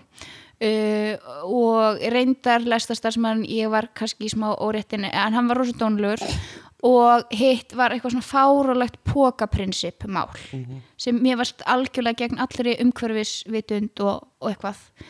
Og ég snappaði á þau bæði uh, eða svona þannig og sískinni mín sem ég var að ferðast með voru öll í sjokki af því að það aldrei sé mér svona. Wow. það voru allir í á, áfalli yfir þessu. Og þetta var ekkert eitthvað brjálu viðbröð sko. Áfalli er líklega gott, gott orð Já, nei, en þú veist því að áfalli. ég er líka með mjög háan þröskuld fyrir ykkur svona, já, já, einmitt, ég ætla ekki að taka þennan slag eitthvað svona, Já, ég- svo þegar hann fer þá fer hann. Já, ég varð ógislega reyðum daginn að því emitt, ég er alltaf að reyna að skilja tilfinningar ég að var hérna, maður sem var og ég var að skutla hann heim og hérna Manninum. Já, manninum Já. og kærasta minn var í bílunum og um leið og maðurinn var farin þá var ég að ég nefndi ekki að rífast við hann manna því hann var aldrei að fara að hlusta á mig. Einmitt. En þegar hann var farin þá gæti ég verið bara ó, djúvill var þetta dónalegu maður. Einmitt. Ok, nokkru punktar. Uh, hérna, Gunlega, ert þú elst í sískinahopniðinu? nei, ég er næst elst ok, ég er elst að bata mömmu en næst elst af ok. Uh, og uh, nokkru svona punktar sem ég náðu ekki að segja áðan. Uh, hérna, uh, þú ert með þetta snap eitthvað staðar. Save the memories Já, í Snapchat. Uh, við vorum að tala um ost og skinku áðan. Og þú varst að tala um Jane Ost Og skeng ah, oh my god, Stefán. Svona, Þetta ég- var, ég þetta nennti var, ekki að búa til þetta var beautiful innlit inn í þinn hugar heim ég lefði ekki að búa til eitthvað í kringum þetta þetta er bara svona eitthvað sem ég hef búin að vera með Skinka á Jane Austen. Jane Ost og skinka. Um, en hérna ég var sko svo lengi, ég var að horfa og ég var eitthvað, er, hvað er Stefán að segja? Er ég, ég var eitthvað, er eitthvað að að hjá honum eða er eitthvað að bila hjá mér? Mér lákaði að segja þetta þegar þetta kom upp áðan en mér lákaði ekki að grípa inn í það sem þið eru að tala um. Einmitt, þú viltu frekar þegar þetta var alveg hægt að vera relevant kom með sko, callback á brandar þú sagðir ekki upp á. Mér í hans konsept. mánuði. uh, En allavega, kæru gestir við erum með eldklárar og eftirsóttar í setti. Introið, litla introið Litla intro er búið og hérna uh, velkomnar. Þeir að gefa út ljóðabók sem heitir uh, Óanbeðin Ástabrjöf. Uh, og uh, eruð spunaleikarar Já allar. við erum bara að sína á Reykjavík Fringe. Reykjavík Fringe. Og þeir eru með oft síningar þeir eru bæði uh, í æfingar og síningar hófið Impro Ísland sem er uh, æðislegt, ég er í því líka. Og, duglegur. Svo flottu strákur. já, og hérna Svo rólegur alltaf. Já, all, já, alltaf rólegur. Og hérna uh, þannig að ég kynnist eitthvað þar en þið eru líka oft bara sjálfar með síningar undir fornöfnum eldklárar. Oft er kannski svona svolítið stórt hugtæk ah, ok, þið erum með við erum stundum með fyrir. já, og hefum tekið einhver gig svona persónlegum og ekki Svona- kannski persónlegum en svona Ari og já, Banki og eitthvað? Já, svona við erum að stefna kannski þákað svona einhver gig. Já, í svo snekkjur og, já, Vá, skemmt- snekkjur með kampavínsku já. við erum svolítið í því, the Drullum people og- Uh, þannig að sko mér langar að tala við ykkur um uh, en hóp uh, en svona þi- þið komið inn í þetta að þetta er grínhópur þetta er spunahópur til að byrja með er það ekki? Jú. Uh, þannig að hvernig komið þið inn í spuna og á hvaða forsendum gerið þið það? Uh, og þú veist, eru þið líka bara að fá svari spurningunni eru þið grínistar? Horfið á ykkur sem grínista? Að ég veit að kannski eru mismunandi hvernig fólk gera það hérna. Uh, Laufey. Já, ég, mér finnst það erfitt þó ég sé einmitt kannski mest augljósasta mannskan sem myndi kalla sig grínsta Aha. mér finnst það erfitt sko. En já, ég er, grí, er grínist. Ég er grínisti um, ég var einmitt eitthvað að því ég er að fara á Edinborga Fringe hátíðina í ágúst. Að vera grínisti. að gera Að vera- það? Já, grínsti og hérna og einmitt var að skrifa eitthvað svona eitthvað, eitthvað kynningarefni sem ég þarf að gera og eitthvað. Og alltaf að skrifa eitthvað comedian og ég var bara að því ég er með svo mikið imposter syndrom en jú, ég er vissulega hérna e, líka í uppistandi og svona þannig. Og improvið er náttúrulega alltaf grín. Ég myndi skilgreina mig sem grínsti. Nice, nice. Ég fekk það út þér. Gott, markmiðinu náð. Uh, Laufey Þetta er er- grínist já, þetta er sjálfstyrking já, þetta er já þetta er, þetta er sjálfstyrkinga podcast uh, Ok, gríma. Já, já. Þú grím. Ert þú grím En ok, Ég- við getum byrjað á Stefán, ég er grímisti. Þú ert grímisti. Þarna kom það í Já, ljós, hún er grínisti. Hún er náttúrulega trúð Já, Já, þetta er pínu svona fyndið konsept sko, af því að ég er náttúrulega lærð uh, leikona. Og elska að leika. Og sko það er eitthvað í mér sem elskar svona drama og svona mikið og djúft og persónlega harmleiki og ég vil helst leika það allt. En svo hef ég alltaf verið þessi svona hressa fyndna og þú veist, mér hefur alltaf verið benta á áður en ég fór í nám allavega, þá var eitthvað svona þú, þú ert grín, þú ert grínleikona og ég eitthvað, já, ok, já, flott. Um, og sko dyrka Eddu Björgvin, svo horfði ógislega mikið á fósbræður og svínasúpun og stelpunar og þú veist, ég- þetta var bara eitthvað svona ég, ég fókin að elska grín. Mm, svo fór ég í trúðin af því það var eitthvað sem ég sá, ég sá hérna dauðasindirnar um, Já, fyrir ég sko way, way back when, það var 2008 eitthvað. Var, ekki, var ekki kendur trúðurinn í leikaranámi? ekki leikarnámið mínu, nei, nei, nei. og hérna, ég sé þessi stöðasindar 2008 og þá er ég bara eitthvað strax bara, ég þarf að, ég þarf að læra að gera þetta. Þetta er eitthvað. Og ég fer alltaf á námskeið þegar ég kem heim þú veist, sumrin og um haust og eitthvað svona. Og þegar ég átti barn, þá fór ég á það. Um, og trúðurinn er hann er ekkit bara grín. Nei, hann er það alls ekki hann er það alls ekki, það, hann, er eitthvað svona, það er, hann er eitthvað svona það sem er á bakvið drama og grín er svolítið trúðurinn. Það er eitthvað svona einlægni eitthvað svona þaðan sem allt þetta kemur. Einmitt. ef ég á að vera ótrúlega poetísk með þetta að þetta er eitthvað svona ótrúlega mikil kjarni og þú bara svona getur sagt hvað sem er og fyrir vikið, af því þetta er einlægt og af því maður segir bara það sem maður er að hugsa þá verður það að fyndið og svo getur það líka orðið bara ótrúlega djúft og fallegt og, hérna, og mikil einlægni og, og, og hjarta, hjartastöði í því sko. og það er það sem ég elska þannig að ég er svona grátgrínisti einhver. Ég veit ekki alveg hvað ég ætti að skilgræna mig. Já, svona dra, dra, Já. Já, ég er svolítið þar. Já, the mask falls off. Já, Um, okkarlega en hérna uh, sko trúðurinn bara uh, þú veist að því ég veit að það eru örgulega einhverju sem hlusta. Ég ætla ekki að segja kannski margir. En það eru fólk sem hlusta sem er kannski ekki alveg að tengja við þú veist hvað hvað er fólk að hlusta? Já, Ó, við erum með sjö er segja? sjö mjög digga hlustendur. Já, gott. Gott. Sko, já, einmitt, hvað uh, hvað er trúðurinn, já, einmitt ég hef oft þurft að svona eitthvað verja þetta, en ég sem, ég, þú veist, ég, svo sem ekki mín vinna verja þetta, Nei, nei, ég vil ekkit verja þetta en hérna, ég, en þú veist þetta er ekki þessi sirkustrúður. Þetta er ekki sirkustrúður. Þetta er þú veist, það hafa verið settar upp nokkra sýningar á Íslandi mm Mhm. uh, Dauðasyndirnar og svo Jésús litlið og Sókrates og bláa vatn, nei, bláa gullið eða eitthvað svona, Og. Mhm. og svo gerði ég sýningu núna á síðasta leikári. Um, með trúð og þá er maður bara svolítið svona ég veit ekki alveg hvernig ég á Lí- trúðurinn er bara eitthvað svona alter ego. Já, hann er uh, einlægur og fallegur og skemmtilegur og fyndinn og segir það sem hann er að hugsa kommentar á ef einhver missir glas í áhörundasalnum skilur eða bara eitthvað ef eitthvað klúðrast og þá bara segir hún það og, og léttir eitthvað veginn svona spennuna sem verður til þegar við öll vitum að eitthvað er að klúðrast. Og hún segir að þetta er fucked up. Og Já. þá, þá bara svona losnar, losar um spennuna og allir fara að hlæja. Er þetta einhvern veginn leik, leikkonan eða leikarin eða manneskjan án uh, þú veist án eitthvað án sinna einn hafta. Já, svolítið það. já, einmitt, Svona án þessara svona þessara svona hafta sem við höfum einhvern veginn svona safnað og sankað á okkur með tímanum, bæði samfélagsleg og líka bara persónleg svo innra lag af lauknum. Já, já, klart mál. Þetta er samt líka, sko, nú hefur við gunnilega farið á námskeið hjá Grímu. Já, trúðanámskeið Já, já. og hérna þú veist, þetta er að því það eru reglur og það er svo mikið eins og við þekkjum úr spunanum það er, þú veist, maður er auðvitað að- að bulla eitthvað upp úr sér en þetta, það eru reglur til þess að hjálpa manni og það er einmitt alltaf svo mikið frelsi. Um leið og setur ramma og segir þú mátt gera hvað sem er innan þessa ramma þá er svo mikið frelsi í því.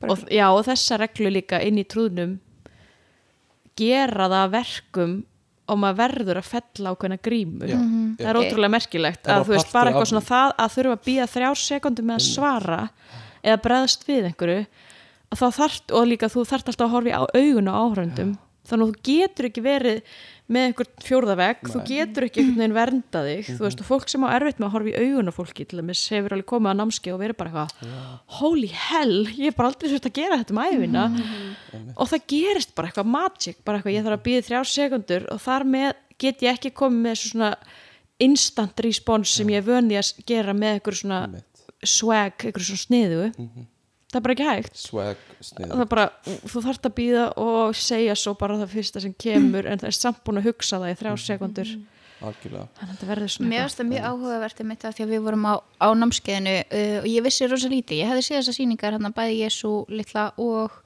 döðasyndirnar og einhverja svona sýningar í gegnum tíðina og svona vita eitthvað aðeins en einmitt ekki vitað reglurnar eða svona kannski skilið alveg út á hvað þetta gengur og einmitt það kom mér svo ótrúlega mikið óvart hvað þetta var svona mikil eh, svona einhver berskjöldun.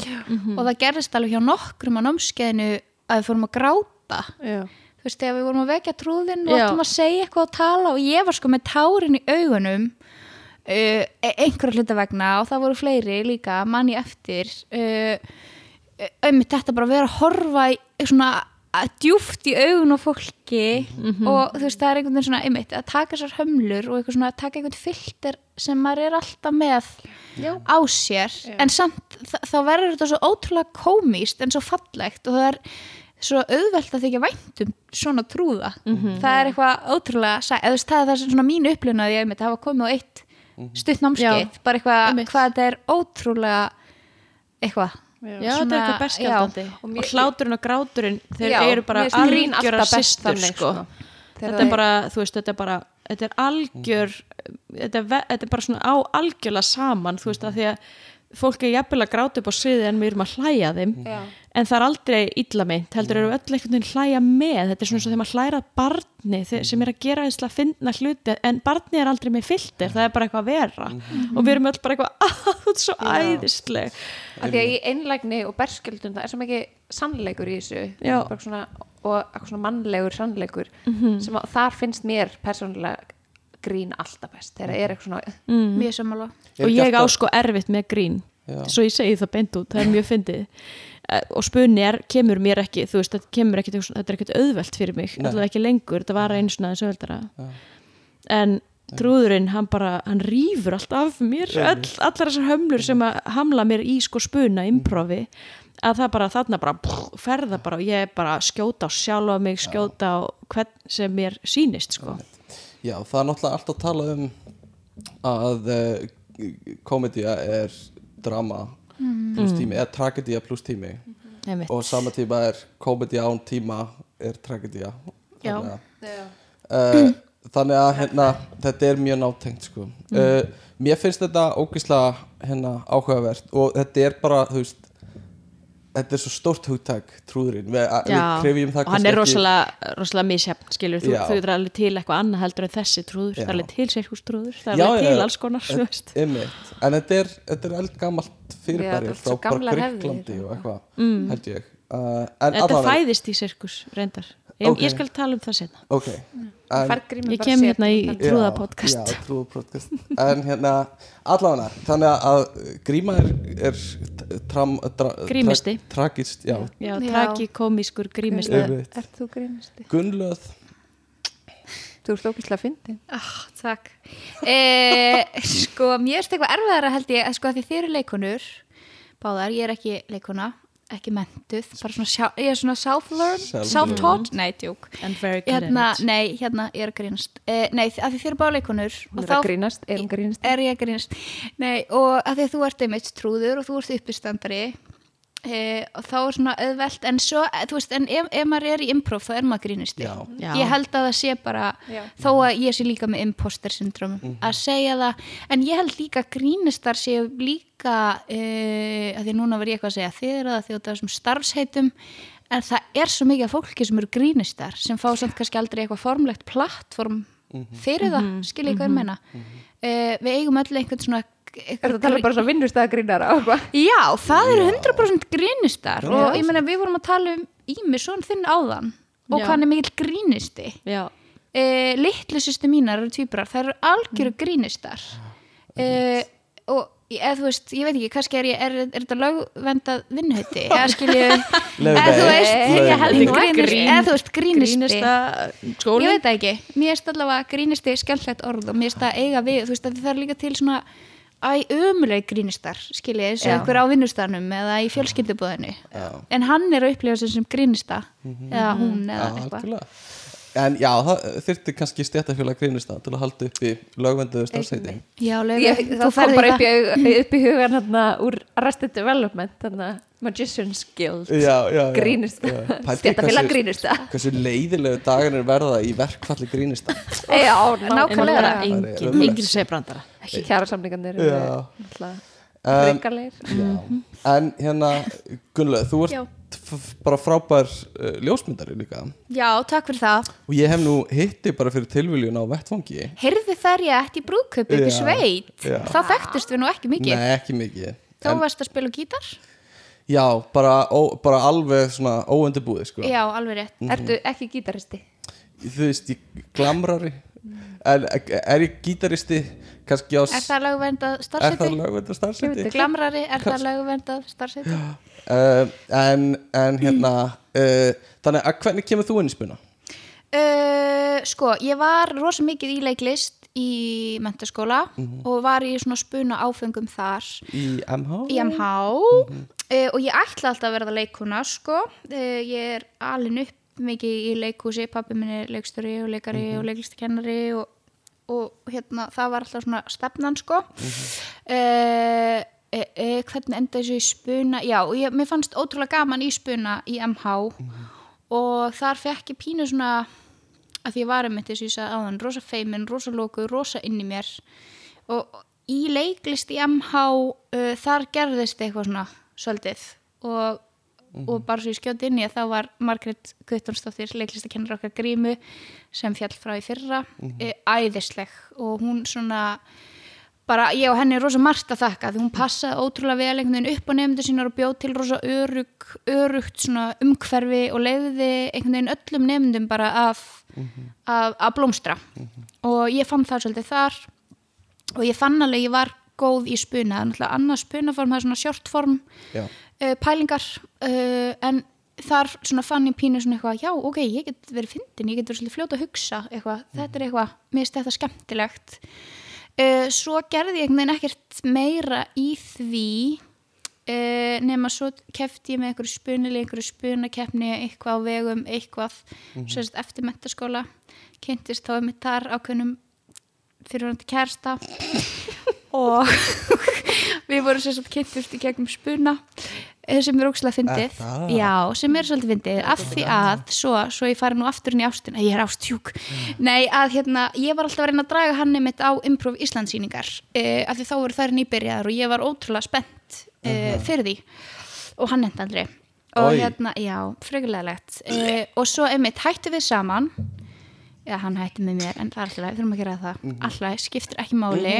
Hans missir, alltaf allt í góðu. Uh, já, en svo hérna bara mjög stutt eftir að hættum saman þá er eitthvað, ég herði, vá, ég þarf að mig við ég ætla að fara á imprósýningu og ég fóð með vinkunum minna á imprósýningu hjá Improv Ísland og ég var bara, ég, vil, ég ætla að vera þessu svið þetta, er- ég ætla að gera þetta. Geðveikt. ég fekk bara svona, þetta er það sem ég þarf að gera. Uh, og ég skrifaði bara strax á námskeið og fór aftur á námskeið og, og, og eitthvað svona var einhverjum æfingahópum. Svo var ég ast, aftur ástfangin bara svona svo ég flétti þessu saman ástin og improv. Og Ástin og improv. Ástin og improv. Uh, nei og við hérna uh, og ég var alltaf að vinna í meðarsölunni hjá Improv Ísland þú veist, og ég fór á allar sýningar. Ég fór alltaf Ok. bara hverri viku. Og hérna uh, og var í einhverjum svona æfingahópum þú veist uh, sem svona endust mjög lengi við. Gríma vorum með í einhverjum hóp. Já, um mitt uh, en tíma efðum öðru hvoru. Í, í, í improv þá myndast oft svona æfingarhópar já, sem eru svona, svona ein, einhver svona óháðar hvað er ég að reyna að segja sem eru bara svona eh, Bara hópar svona fólk bara oft af námskeiðum fólk sem þú veist Já. klára kannski námskeið nummið þrjú og vill halda sér í einhverju formi þú veist, Já. finnst þetta gaman og finnst bara gaman að hitta þetta spinna Já, þannig ég var í einhverjum svona þannig hópum Mhm. og hérna, og svo hérna var ég ástfangin bla bla bla, flutti út, fór í nám Mhm. þannig þá var ég í svona smá improv pásu eiginlega svo fyrir sko tilviljun eða sérst ákveði að skrá mig á stelpunámskeið Mhm. sem að maður hérna Björk og Steini heldu sem var bara svona til að peppa stelpur í spuna Já. sem var bara frábært. Og ég fann svona ok, mér langar alveg að fara í spinn og ég þarf pínu þetta Mhm. púss, ég þarf að finna eitthvað svona öryggi. Og hérna ég skráði mig á það sem sagt ég var bjó, hérna, bjóðan þá úti og ég var að koma heim bara í nokkru viku til að vinna. Svo kem ég heim og þá einmitt fæ ég SMS um að maðurinn minn væri hættu með mér. Og bara svona tveimdöfum áðun ég fyrir á þetta námskeið. Og ég var næst, ég er búin að hætta við að fara á þetta námskeið því ég, bara, ég er ekki í standi til þess. Ég bara millir umulega svona, en ég var eitthvað, nei, herðu, ég þarf að gera þetta fyrir mig. Alveg eins og í fyrra skiptið bara eitthvað, ég þarf að hérna, hressa mig við, þetta er það skemmtilegast sem gerir ég fór á þetta námskeið og þá kynntust við flestar í eldklárum eftir sóttum þar. Er, þú, Laufið, þú varst ég held ég verið svo einn sem var Já, ekki og náttúrulega Rebecca sem er komin inn í Já. hópi núna. En ég og, og við og upprunlegu eldklárar, við vorum aðeins fleiri upphafi e, vorum allar á þessu námskeiði. Og e, bara sem betur fer. En ég man ekki, ég fór, þetta var mjög langt svar hjá Já. mér, hvernig ég komst inn í improv, já, en mér finnst þetta svona, hérna gott dæmi líka bara um, um tradikomedíu Já, þú náttúrulega sætla minninga fegst okkur til að votta skilnaðapappir en að inn á einna fyrstu Oh æfingum já, já, ég mætti með gott. skilnaða pappina og líka mjög hérna, einmitt fyrsta sem ég segi við heiðu uh, er að hún var þá nýgift manni man eh, frá oh Suður Ameríku líka, eða Mið Ameríku þú var skipt manni frá, frá Argentínu, já, Suður- þannig að ég var eitthvað svona, já, ég er náttúrulega bara eitthvað hætt og bara eitthvað megabömmur og heiða segir eitthvað, já, ég var giftað með eitthvað sumar og ég segi, gangið vel. Eins og sko bara mesta tussa sem ég verið. Ég var bara "Ó, hvað og að segja?" eitthvað svona, já, já, en hún er skilin í dag en ég, ós, en, hérna, en sko, ég meinti þetta ekki tussulega Oh my ég bara í alvörinu, en það kom svona út mér bara eitthvað svona algjör impuls, bara gangið vel en hérna, já. Oh my god. Ég líka, þegar ég fattaði, þú veist, og svo var það líka ótrúlega fyndin leir, þegar ég fattaði, ég held að ég hef bóðið þér laufi að koma með á æfingar, ég man það samt ekki, og þegar ég fattaði að þið ættu sameinlegan fyrirvændi kærasta, og þá er ég bara eitthvað, hvað hef ég gert? Já, Eða það, þegar, nei, ég er held að ég sko- hef verið að keira laufi heim og hún var eitthvað, já, ég er búin að vera eitthvað svona stressu með að, að, að tala við laufi, nei, við Gunnlaufi bara því að ég, þú veist, við erum bara ekki nefnt þetta, við eigum náttúrulega sameilan fyrir að þetta kærasta og ég, eitthvað, og ég náttúrulega veit hver það er og þekkjan um, og veit hans sögu.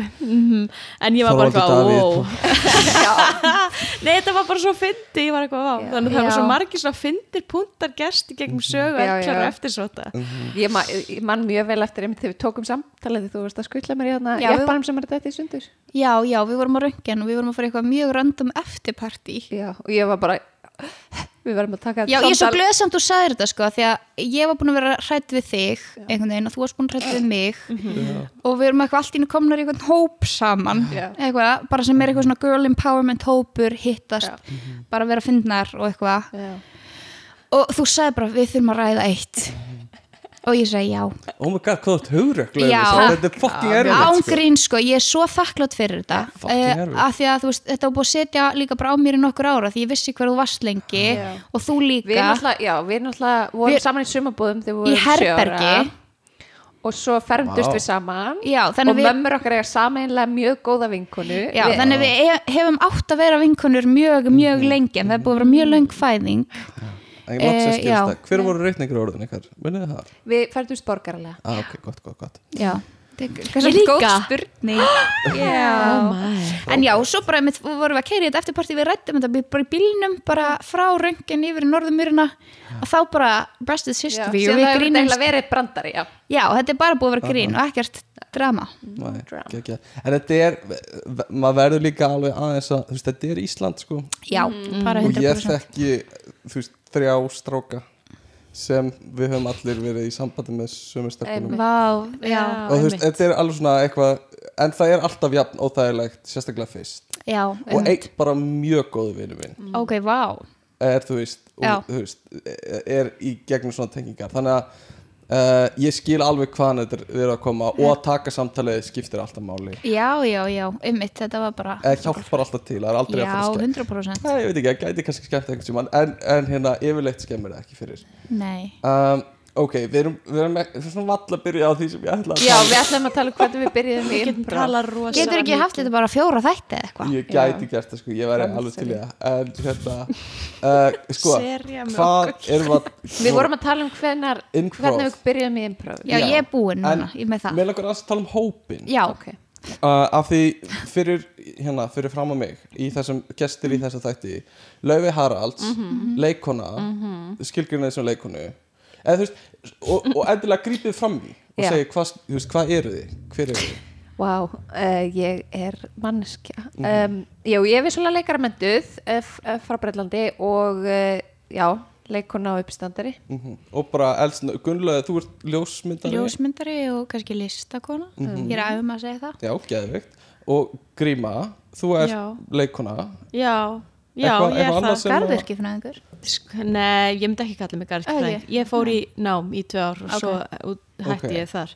En uh, hérna, já, leikona Ég myndi kannski núna, þú veist, ég vinn svolítið mikið við að vera gæt líka. Já, geggja og mér finnst það bara mjög næs Mhm. og svona alltaf svona listakona bara, gerir bara það sem er fokkin sýnist. Bara fucking fuck off Kerfið. Hún er fókin anarkistan Já. töffari anarkistu listamaður. Þetta Stopna gera bara En hérna Já, ég er náttúrulega líka spurningahundur Já, ég ætla að fara að segja að þú ert líka getur betur let Ég er alltaf- again ég er alltaf bara að gera eitthvað. Að Laufey er sko að gera allt. Já. og hún segir engum frá því. Og svo maður er eitthvað að byrja what? Herðu, varstu meira að segja, sorry, ég skjóti inn í varstu í útvarpinu að tala um Friends? Nei, Nei, ok, mamma var að segja að það var einhver í útvarpinu hún vissi ekki hvort það varst þú. Mm. ah, það var ekki Ok, það var ekki, Laufey var ekki í um Já, En núna er hún á öldum Spotify að tala um Fringe aðeins. Já, En hérna, ég hef spilað svona spurningaspil með laufu og hún veit fucking allt. Ég við vorum eins og pubquistið Já, saman líka, það var já, gaman. já. Já, það er, ég hef spilað líka spurningaspil með Já, við vorum í Já, ekki já. spurningaspili. Um, En uh, eldsnögt bara hinnar sem eru með ykkur í hópnum að sjáta á þær og segja hverðar það eru. Já, Já. Heiða Vigdís Sigfúsdóttir. Mhm. Sunna Björg Gunnarsdóttir. Þú veist hver Hver eru það? Rebecca Magnúsdóttir. Og Ebba Sig. Já. Já. Er þetta leikonur mest eða hvað er? sko, Ebba og Rebecca eru leikunur Mhm. og Ebba er líka uppstandari. Uh, Sunna er lögfrægur og leirilistakona Já, og á leikaradraum. Já. Mhm. og hefur líka unni held í, í kvikmyndagerð Já, hún hefur verið Jú, að vinna mjög og, og náttúrulega má ekki glemma að hún var já, sætla minninga Sætla minninga. Eh, og uh, Heiða er að vinna núna fyrir Bifröst. Já, en er rithöfundur og skáld Já, og fremst. rithöfundur. E, og er hagfræðingur að ment. Og, Gáðu bókina Getnaður já, Mhm, í geggja fyrra. bók sem við mælum, Mælum með. mjög mikið Hot. með mjög hot bók, mjög fljótlesin frábær söguþráður gott plot twist, kemur á óvart og heldur mann á tánum Vá, ert þú sponsor? ég ætla samt að heiða skilabóð ég er slætaði búin fimm úr skall nei, alls ekki, ég er bara hérna bara því að ég er oft hæglæs og svona og erfitt með að komast í gegn bækur þá mér finnst gaman að lesa en þessa bók var bara svona ah, ég vil vita meira Kekki. líka bara við erum svolítið göngum út frá þú veist að því við erum að tala um hópin þá finnst mér svolítið mikið að koma því að. Mér finnst við erum alltaf að veljum þetta nafn uh, mjög vel, viljandi Já. að heita eldklárar eftirsóttar bara til að svolítið svona bústa einhvern veginn egoið, eða skilur ekki egoið bústa einhvern veginn það að bara þóra stand- já, bara svona standa með því að við getum bara verið hér og við, við erum fucking eldklárar og eftirsóttar. Þetta er svo, þetta var Þannig að við tekið úr svolítið titli af svona lista yfir hérna einhleipar, og einhleipar en við höfum aldrei, engin okkar að því að svo sem að vara á listanum er, er ekki lengur í hópnum hún Nei, nei. hérna. hún er, og hún er ekki lengur einhleip en hún er ennþá eldklára eftir sátt svona. Að sjálfsögðu. um, engin okkar hefur verið á svona lista Nei, sem er kannski er sárt, gott sko. ef einhver er að hlusta sem vinnur í okkur um sko. blöðum Nákvæmlega. Að þá erum við nokkrar í hópnum sem erum eldklárar eftirsóttar og einhleipar og einhleipar fyrir kjöði Uh, sumar eru líka kúltúrbönn og það er gaman að fara á kúltúrbannalistan sem var byrstur og svo eru sumar sem myndi gerðnum vilja vera að lista við best klæddi konur Íslands til dæmis, þetta eru bara svona Aha. Hugmyndir fyrir áhörvendur sem, nei, á, á, er ekki myndavel hlusta nei, á þá sem eru hlusta og, eða þau sem eru hlusta og eru blaðmenn bara svona, ég ætla bara að koma sér svona út í Þetta er draumurum minn sko Já. það var líka svona, hvað er fræga fólki að, hvaða podcast er þau að hlusta á og Já. draumurum minn er að komast á eitt svo leiðslista þegar að við verðum átna frægar þegar Já, við byrtumst á takk. þetta Já. þá munum við segja Öll- byrjar að Já. þetta er keðjuverkun sem við þurfum að fara að koma Geðveikt. Við í erum að gang komast á listana alla Við þurfum listana að hjálpa hvor öðru Já, það Um, er alveg En já, ég, ég vissi með söguna því að, að Una hefði verið sett á hana Já. lista við viljum vera listakonur. Já, mm fyrir alla listakonur og tókuð upp þetta nafn sem Já. er geðveikt sko. uh, og hérna mm, mér finnst svo fyndið að þeir voru að tala um leindan leikar og draum sunnu. Já. er að sko improv hópurinn er kannski svona 40 manns já, í heldina já, uh, og hann skiptist eiginlega annarkvort í sko leikara sem eru mentaði leikarar og er að spinna og svo svona einhverja hagfræðinga, lögfræðinga, verkfræðinga Já. sem vilja ógislega ekki vera leikara Já. já, ég held að þetta sé alveg algengt í þú veist spunnasamfélagum allstæðar sko. Já. já, þetta var alveg svona nú var ég, þú veist, bjólengi í London og var í spunnasamfélaginu þar og þetta var svona líka þar. Su- fyrir sumum var þetta hobby þar, en svona eitthvað outlet fyrir, fyrir að vera skapandi þó að vinnan þeirra veri leðileg og aðrir voru bara þjálfaðir leikarar. já mér liði nefnilega stundum sko eins og ég falli einhvers staðar á milli af því að ég er í skapandi vinnu líka. En ég hef stundum verið eitthvað Já. ég tilheyri ekki sko bara út frá þessu eitthvað svona því ég fyrir að ofugsa eitthvað hér er allir Já. eitthvað svona raungreina þú- mentaðir og eða svona með mikla raukhugsun Einmitt. en er í þessu eða eru pjúra leikarar og ég er eitthvað svona ég er bara eitthvað, ég er bara ég eitthvað er að með leika mér dagskrá eins og leikara Já. þeir en já, ég er bara eitthvað alltaf að leika mér og hafa gaman en, eitthvað. einmitt. en Uh, en ég er klálega í seinni kategoríinu sko. eitthvað svona hef bara ógæðslega gaman að spuna já. og finnst þetta bara fáránlega gaman og ert fárlega góður já, í spuna líka bara svo að það sé sagt. Svo hér og það nú. haldið til haga. Já. Þú veist, við og erum mjög góður í að vera með tilfinningar þar þú þekkir Já. ekki kannski alltaf einn tilfinningar.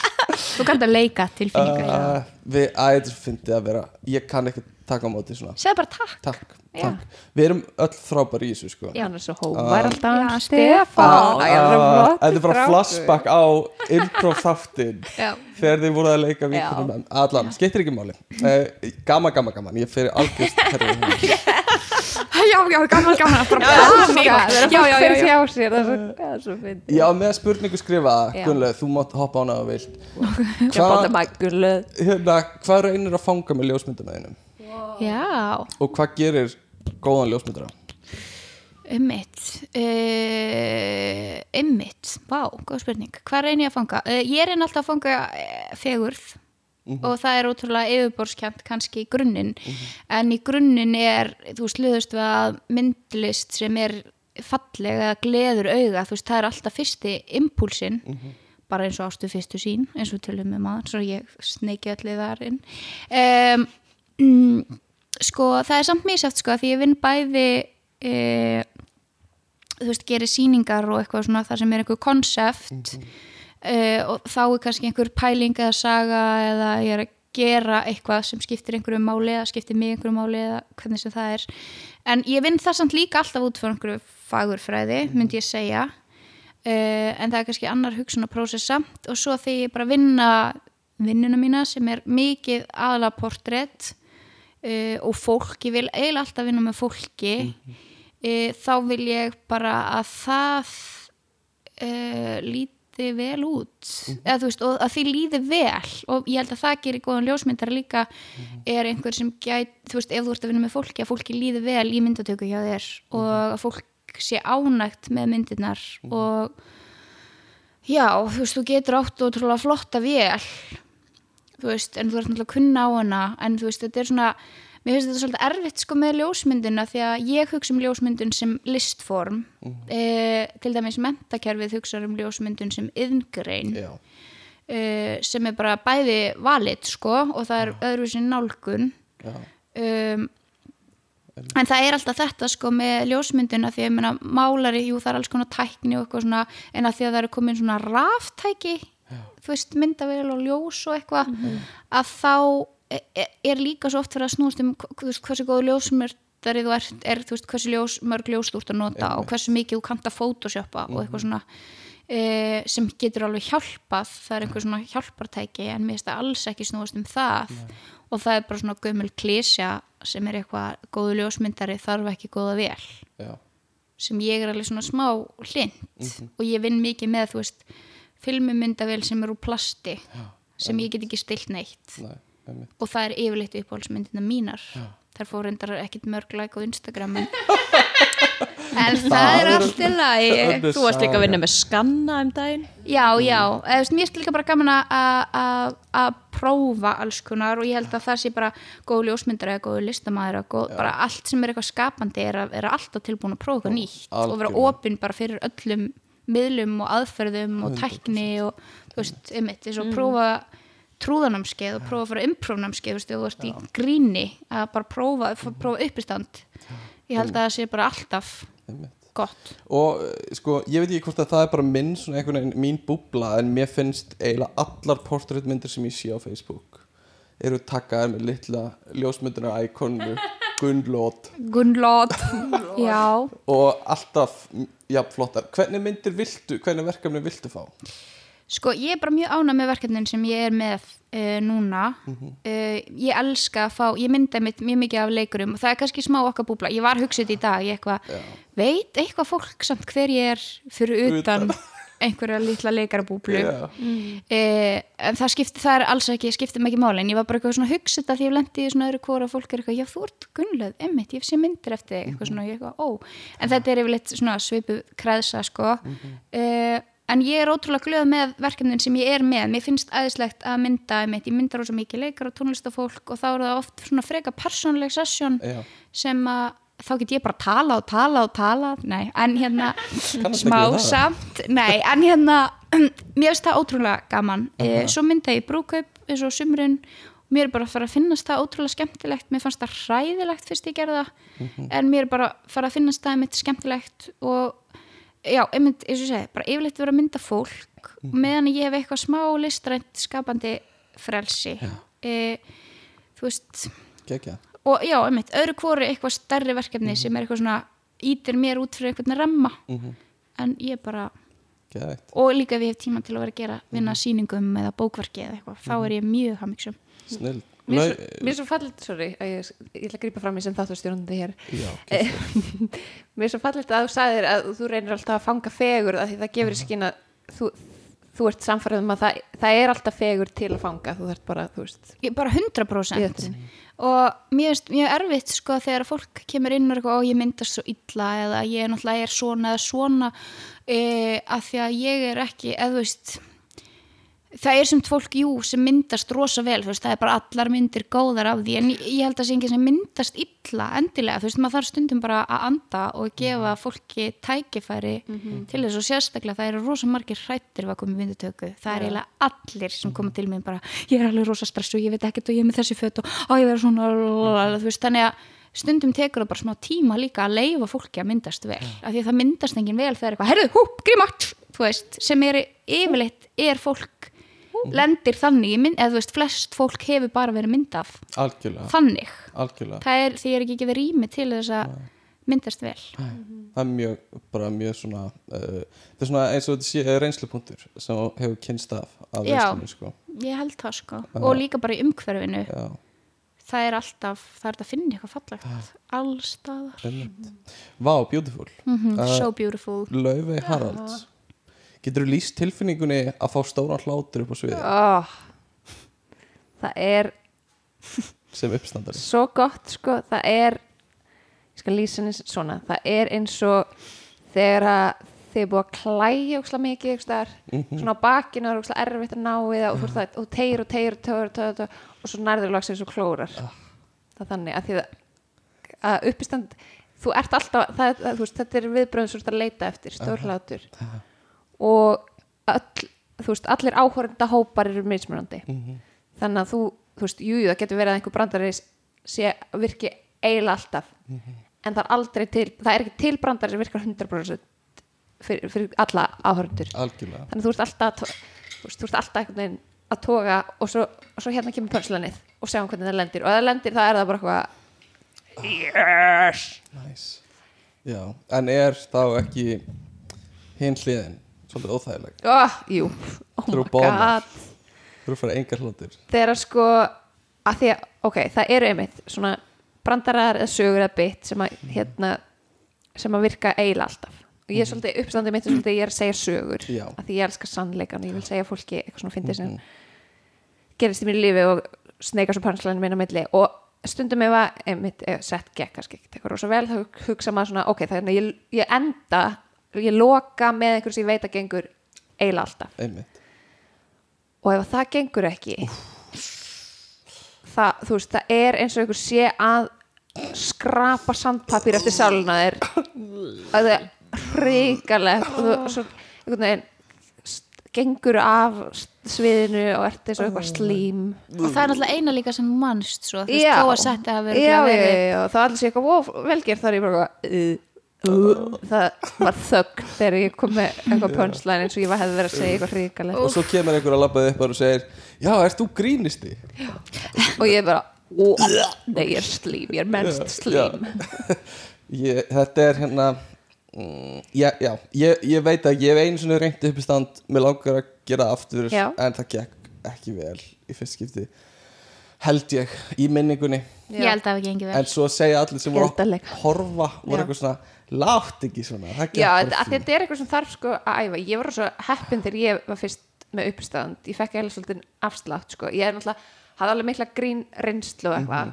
Eh, og hafði alveg gert hluti sem voru svipaður og uppistand áður. En í fyrsta sem ég var bara eitthvað með uppi í stand fyrir uh, réttur um fimm árum síðan Já, þá var það eitthvað svona uh, uppistandarar prófa spuna í fyrsta sinn og spunaleikarar prófa uppistand í fyrsta sinn. Þannig ég fekk alveg afsláttinn bara eitthvað jú, hún er, veit alveg eitthvað um grín en hún er aldrei prófa uppistandaður. Og það voru líka svona áttamanns í einmitt. Þannig að einmitt. Ma, Hverju fleiri voru? Manstu eftir? þetta var í, í London sem sagt. Já, þetta var í London, ok, ok ég man alveg hverju voru þarna Nicole Kidman uh, hún er mikið í London, já. Adam Sandler ég var að reyna að muna eftir því. já, þau voru að prófa spuna. Hugh Grant. Já. já, Einmitt, uh, Meryl Streep. Og en hérna, ok, geggja. Þá er ég búin að spyrja að þessum spurningum sem eru svona one on one uh, ég ætla að spyrja þau um trúð en við rættum það svolítið aðan Við reddaði mjög mikið á hann að við erum búin að covera það svolítið. Um, en hérna akkur bók akkur haldið ykkur ekki bara við spunan einmitt, það er margir að velta þessi fyrir sér. Ah. við einmitt með eins og við vorum að tala um nafnið og eitthvað svona vildur rosa mikið eitthvað svona valdeflandi og að kom, kom eitthvað svona púki í okkur eitthvað svona, við getum gert hvað sem er, okkur gerum við ekki bara eitthvað annað, okkur gerum við ekki bara hvað sem er. Okkur erum við ekki eitthvað listahópur. Uh, og við einmitt uh, erum náttúrulega með rithöfund á meðalvor. Heiðu. Heiðu. Og st- uh, tölum rosa mikið um ástarmál myndi Já. ég segja. Mhm. þannig að Sumar meirinn aðrar, nei bara segja. Var þetta eitthvað sko skotin í hverjum? Wow. Eh, þannig að já, sko, málið með hópin líka er að það eru alltaf einhverju nýjar og nýjar hugmyndir.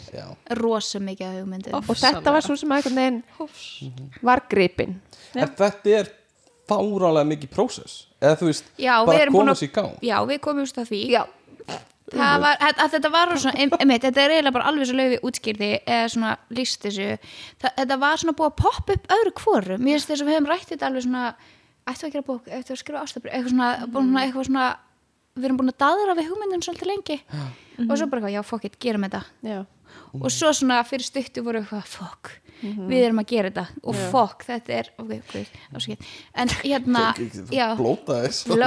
fokkin, og svo er Fokkin, þetta við bara erum- fokkin mikið vinna og þetta er bara fokkin er bara fokkin við erum líka, já, hópur af konum sem kannski eru með smá fullkrónar áráttu, þannig að þetta varð aðeins slípaðri bók heldur en við ætlum við ætlum að vera bara eitthvað að pöngast í eitthvað já, við ætlum bara að skrifa bref til bara eitthvað fokkin astnana sem að vildu okkur ekki vel sko um sátt eitthvað svona. Og gefa kannski út bara svona, svona sín þú veist, hérna, svona, eins og bæklinga eitthvað. en svo er þetta bara eitthvað stytting á magasín eða eitthvað? Jú, jú. Eh, svo er þetta bara aðeins minna pönk og aðeins meira alvöru ljóðbók það er náttúrulega það finnast það því ég, ég held að ég hef ekki fattað það fyrir fyrir svona einum og hálfum mánuði síðan þegar ég var eitthvað Já, var catching up. ég var svolítið sein. Það er svo erfitt að það, er er ekkit tannig sem ég er alltaf það er svo erfitt að þannig. halda í við svona hópspjöld líka já, Já, já, einmitt. Og svo eitthvað svo kom það mér svona svolítið óvart ég var eitthvað, ha, býtu, ó, já en býtu, ætlum við ekki eitthvað að pöngast það? Já, já, já. ó, það var svo gott. Hvað er pönkið maður? ég var bara eitthvað, slakja á maður, þetta er ekki svona mikið alvarlegt mál. Já, að því að við ákveðum sko að fá uh, rittstýru sem las allt yfir Hver er bara það? mörgusnum, hún heitir Sunneva Kristín Já. er, ég- já, ég er að segja rétt segir rétt. Fekk allt í einu- ég er alltaf svo alltaf mér sem ég er að segja bara nafn á mömmu eða eitthvað ofinbarlega mamma þín? Sigrid, Sigga, Sigga. Nei, já, uh, hún sem las allt yfir og gaf okkur ótrúlega gott feedback og bara dásamleg og svo fengum við Berglinda Ernu til að sjá um umbrót þannig að við vorum alltaf komið með bara eitthvað svona litla rit, hérna, prent Já, já, já. rit, hérna, forlag. þetta er bara tvær til að lesa prófur já, og bara, mam, já, Geðveikt. þannig að þetta varð allt í hennu En er, eh, sko, hvað koma þessi ástarbrjöf? Er þetta alvöru ástarbrjöf eða er þetta ljóð sem þið sem ég Er þetta óanbeðin skilabóð á Instagram eða Facebook eða, vil ég með Já. Já, sko, sumt af þessu, ég held að, held að hugmyndin hafi svolítið komið út frá því að sumar var átt alveg til texta sem var ætlaður einhverjum en var svo aldrei sent.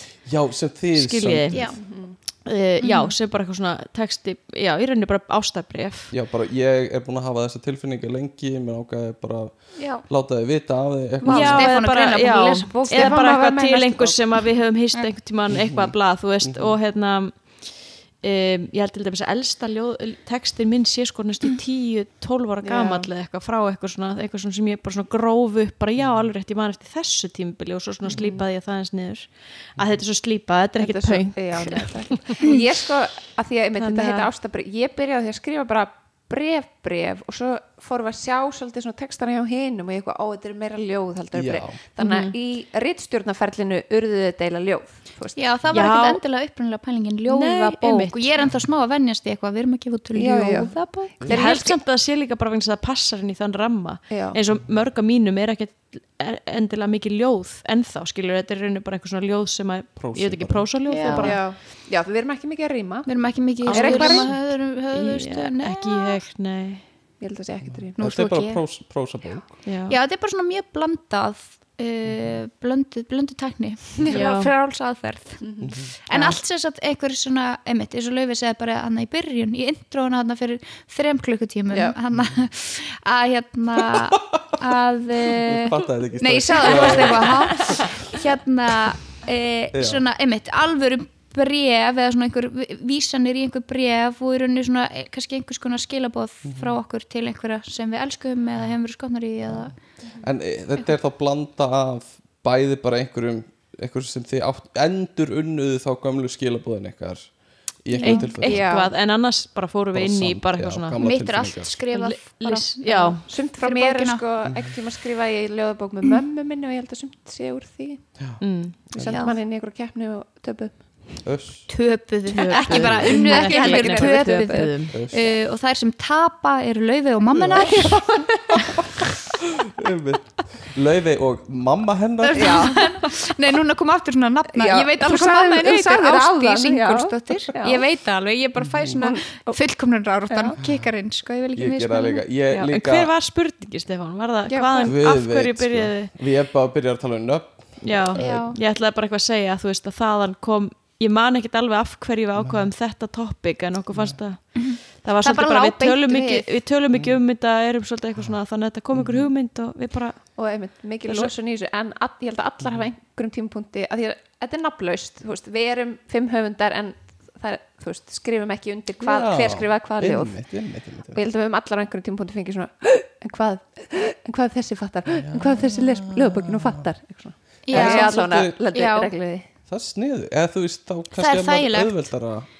ég er alveg svona, ég gæti skrifa fullt að því ég var bara að hugsa alltaf það minn engin, hérna, Já. þú veist, þetta, það er ekkert nafnið þessu, en svo, svo til dæmis um daginn að þá hérna las í ykkur maðurinn hennar sunnu hljóð, hann bara gulli skrifa þetta, ég heyr hana segi þetta Vá. og það var rétt wow. nú veit ég ykkur það wow. en hérna þannig að þú veist, og sískinni mínu mitt þau voru eitthvað, ég lagi til að lesa ljóðbókina eitthvað svona, stóru sískinni mín sérst og hérna, og ég segi eitthvað já, þið munu aldrei vita hva, hver gerir hvað. Og þau bara, við munum fatta Ah, það. Ok. og þá fekk ég svona þú veist, ég held að fólk muni svona smá eða svona kannski okkar nánasta fólk mun svolítið lesa þetta með einhverjum svona öðrum augum heldur en bara eitthvað fletti gegnum ljóðbók fólk mun alveg vera svolítið svona að reyna að analysera eitthvað En það mun aldrei vita alveg nema þú segir Nei. það. Nei, ég meina þú veist það, það er vísanir í margt, þú veist, sumt er eitthvað nákvæmar en annað og ég held að þú veist, sumir ef að, ef að þú veist, ljóður um þá og þeir lesa að þeir munu 100% fatta það sem er allt í góðu, en ég held að líka margir munu ekki fatta, kannski að þeir veit ekki að ég er til Nei, Já. Oh-oh. kannski, einmitt, svarið við, við þessum kvíða er kannski fólk hugsar minna um okkur en við höldum já, en fólk hugsa um sig. Já. en líka Já, bara það er alltaf lægi þú veist, við erum bara líka og þetta er kannski smá pöngið líka að berskjalda tilfinningar uh, og bara eitthvað já, að þetta gera er svo svona vel. óvelkomnar tilfinningar. Já, sem er svolítið skemmtilegt að því að, að því titillin er þessi óumbeðin ástarljóð þá er þetta svolítið svona ástabrif já, fyrir ekki í já, já, ég, ég bara, ég er ennþá vennist þessu ljóðabók hana hérna, að fyrst mér þetta svolítið svona um eitt svona svolítið svona tilfinningar sem við erum að berskjalda sem að fólk kannski ekkit endilega er mikið að skrifa um eða skiljið, þetta er svolítið svona þetta er svolítið svona krút eða svona svolítið svona röff tilfinningar sem að enginn fáir skrifa ástarljóðum eða skiljið, Ég held eða lög eða eitthvað. Já, eða lög. Nema Bubbi, hann skrifur um allt. Skrifa um fíknefni og alls konar. Alveg Hann er bara algjörlega hemli laus uh, Ég held í smástund að þetta væri líka eða væri sko í hinn áttina já, eitthvað sem við hefum fengið. Að já, þetta væri svona hérna, við fáum engin ástabrif já, ég held að vera svona s- svona skilabóð Skilaboð sem, sem- svona eins og óumbeðnar tippamyndir. Já, já, þetta, við, við erum að vísa held ég, ómeð, hvort sem það er meðvita ómeðvita, Já. smá í það þú veist, að að senda tippi og við Við sendum ástarjátningar.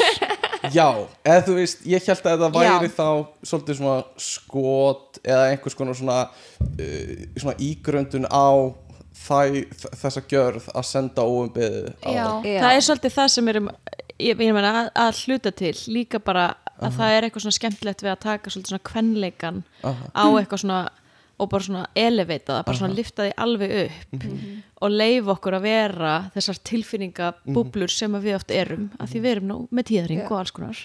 Rosa Em, mikið af þessum ljóðum annarkvort skrifa í eglósi eða rétt fyrir já, það er svolítið svona, Einmitt, það svo er, stemning. við erum svolítið svona að sveifla mikillar, mikillar grettu eða sorgar og Já, vombriðs það er einmitt. eitthvað svona, það er ógslag að finna Þetta að er lesta rosa þegar við stór sveifla föttum það. það eftir og verum eitthvað já, það er rosa lítið um bara eitthvað svona kla, þetta bara klassiska eitthvað ég elska þig og ástarsögu. mikið var þetta var nú gott og gaman. Já, þetta er svolítið bara svona "Hah, þú ert umliður, þú svikst mig. Eða eitthvað bara, ég vil langa mig í þig. Ég langar að, eitthvað, það er ógæðslega fyndið. Svona er öll bókin.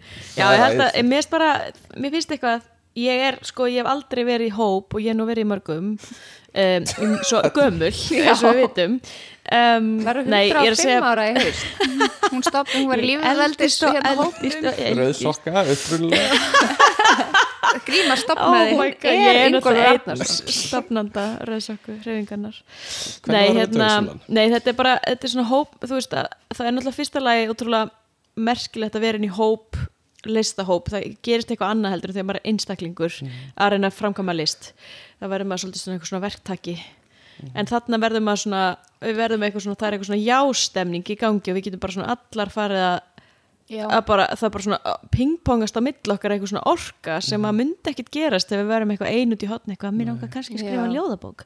Það myndi bara aldrei gerast. Um, Þetta er miklu djarfara því við erum miklu djarfara líka bara í nafnleysinu er ákveðin svona já, það er þar svona eru líka skemmtilegt. einmitt að henda egoinu smá Já, smá bara- það það þarf er ekki oft allir að gefnar vita. einhverja svona bækur þú veist, eitthvað ljóða, smás, eða smásögursafn eitthvað mismöndi höfundar en það er alltaf að passa þú veist, þess, þetta er eftir þessa og þetta er, þú veist, af því að það vilja allir eitthvað, ég ger þetta, þú veist, þetta er mitt ég ætla ekki bara ábyrða á einhverjum ef ég það er tengi ekki við það eitthvað. grín líka hjá okkur að egoið sér dögt en við erum samt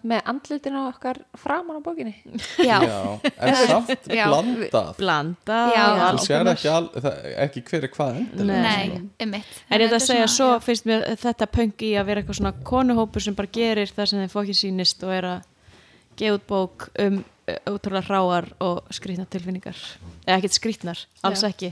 Smá og uh, skrýtnar. Já, crazy tilfinningar sem kannski fólk vil ekki endilega lesa um sem við erum ekkert eitthvað alltaf að segja upphátt. Mér finnst það svolítið skemmtilegt. Um mitt Einmitt.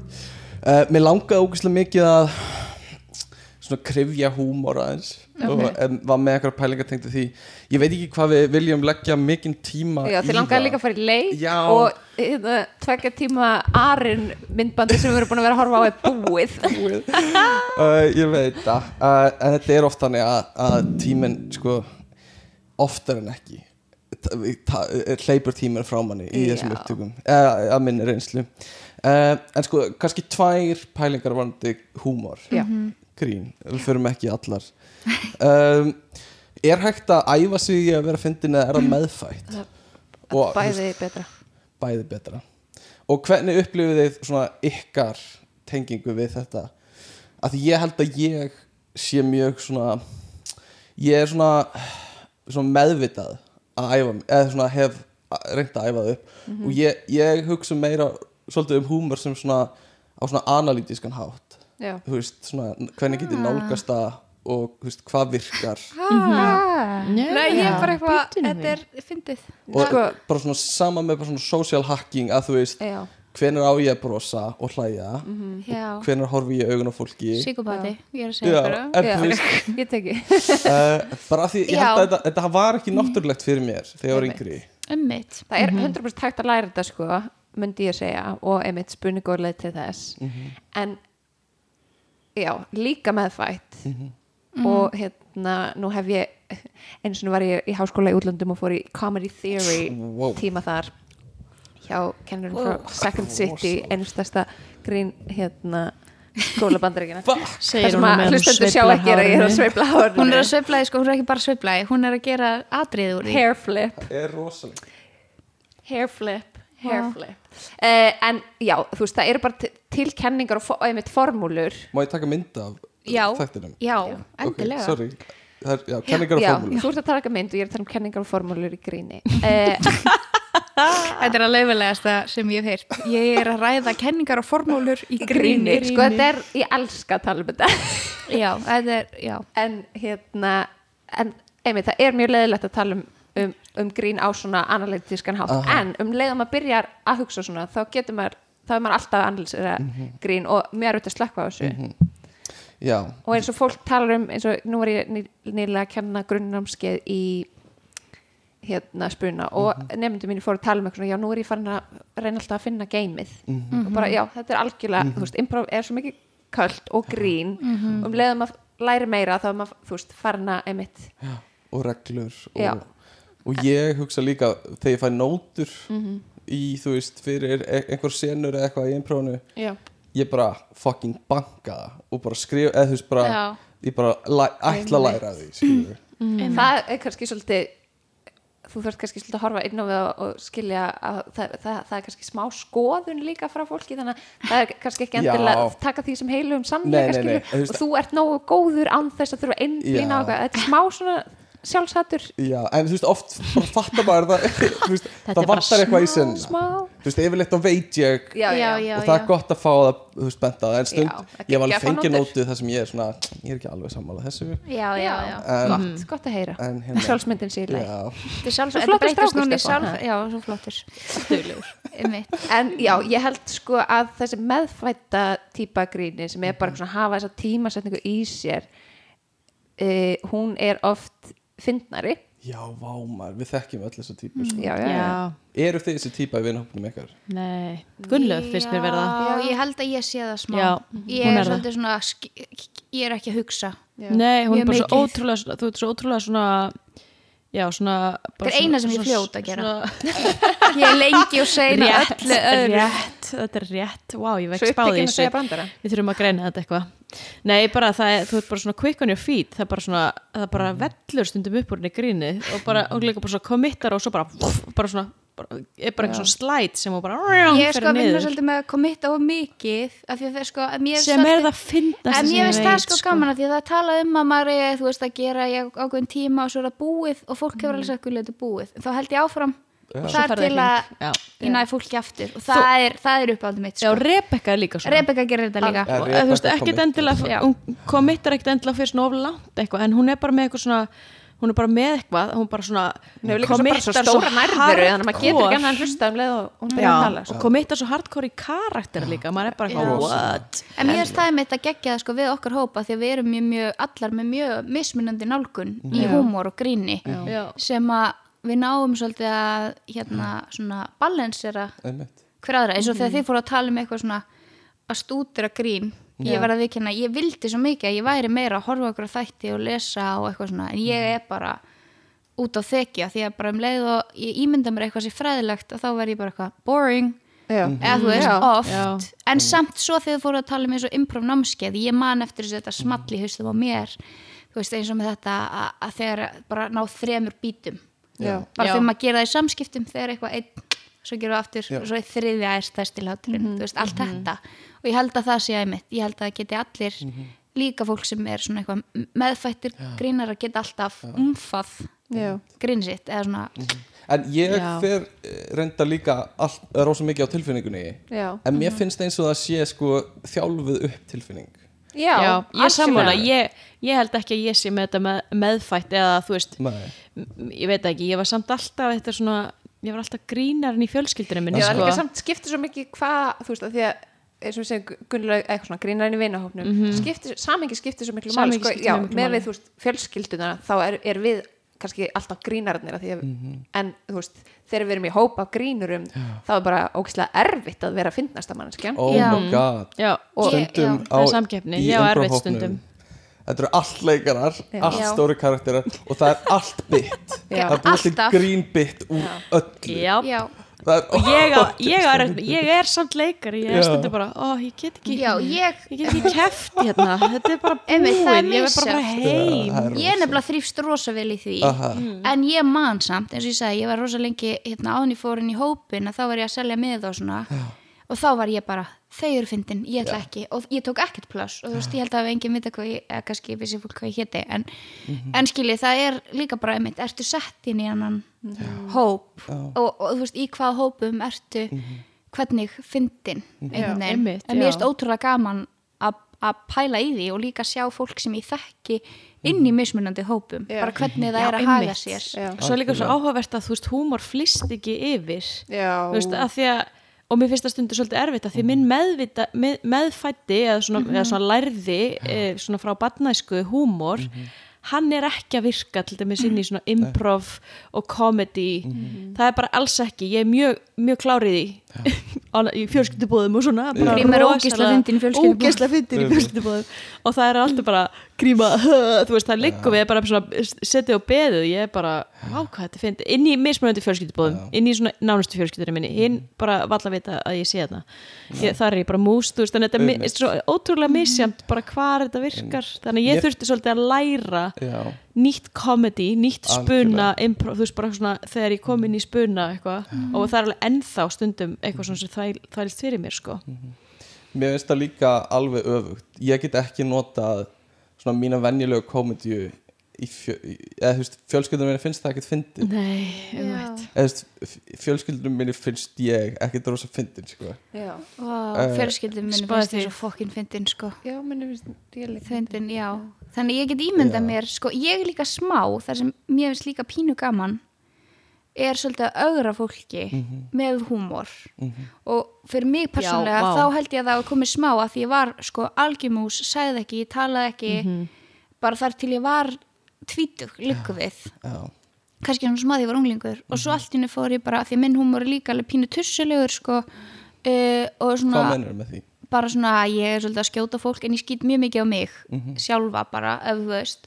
Og í fjölskyldubóðum þá er ég bara að rósta mömmu til dæmis. Og það er, þú veist og ég, mamma bað mig um að vera með róst þú veist, hún var 60 og ég var bara með uppistandi mömmu uh, fyrir framan alla vinkunar hennar. uh, og það er, svo- mér finnst það líka gaman þú veist, að því maður er líka stundum búin að ákveða eitthvað, ég er ekki fyndin hér eða þeim finnst þetta ekki fyndin Að að að því að þú veist uh, við, uh, þið eruð öll ótrúlega fyndin og ég held ég geti verið fyndin í öllum aðstæðum. Já. og ég man bara í fyrsta skipti því ég var unglingur og ég fór eitthvað svona að prófa að bara taka smá plás í kringum mig. Og ég var hjá ömmu og afa og, og fór eitthvað svona að fokast í ömmu því að við amma erum við svolítið svipaðan húmar sem ég fyndið. Og hún var bara, ég vissi ekki að þú væri svona fyndin. Já, já. og þú veist, ég var rann svona 15-16 ára, ég man svo eftir þessu. Það var pínu svona moment hjá mér eitthvað já, það eru svo margir sem veit ekki hvað ég fyndi Þetta er ég veit það, þetta eða þú er veist. svona tól sem að er veist, stundum meðfætt og einmitt er hægt að þjálfa upp. Og ég man að þetta var mikill leikil sko í uppstandur mínu þegar að því maður þarf sviðspersonu sem að virkar fyrir mann. Já. þegar ég fattaði þetta svona einmitt að augra og brjóta eitthvað svona að því ég er alveg svona á sviði frekar vinaleg, frekar glaðleg típa og segja síðan bara eitthvað svona dónalegt, þú veist, annarkvort bara, þú veist, tala við áhörundur og vera smá leðileg við þá, eða einmitt segja bara eitthvað klúrt og eitthvað svona.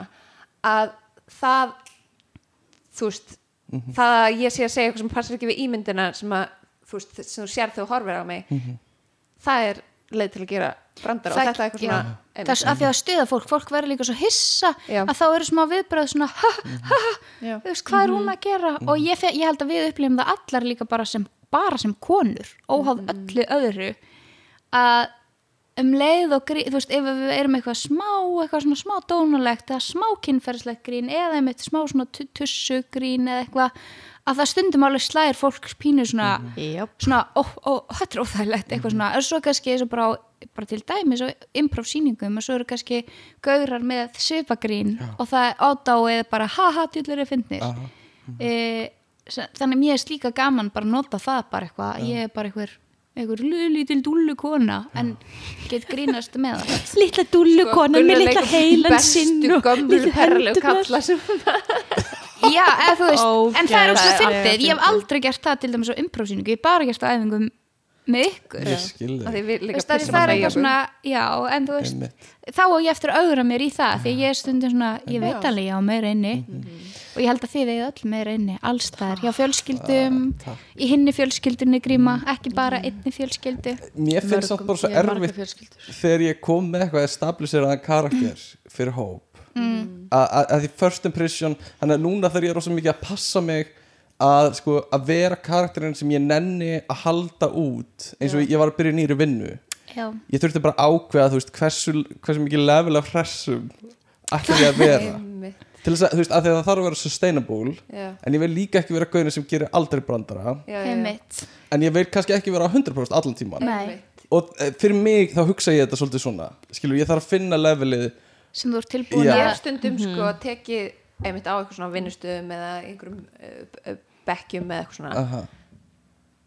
uh, vali eina, tvær mannskjur þær með að vita ég hvað ég já, já, já, já. ég ger það alltaf Já. þar til ég var þeim veist, ég, átti, ég hef alltaf brátt eitthvað svona tvær vinkonur, eina vinkonu, þrjár vinkonur og þú veist, þá er ég eitthvað Já. classic svona hún er óksla fyndin þegar þú kynnist henni eða hann já, við, sem er hræðilegt sko. að vera eitthvað því ég, sko, ef við myndi þekkja mig Já. e, eins og ég er Já. heima með vinkonum mínum þá er ég sko crazy. Ég sko tengir það svo mikið við þetta því að ég, til dæmis, ég kann að syngja.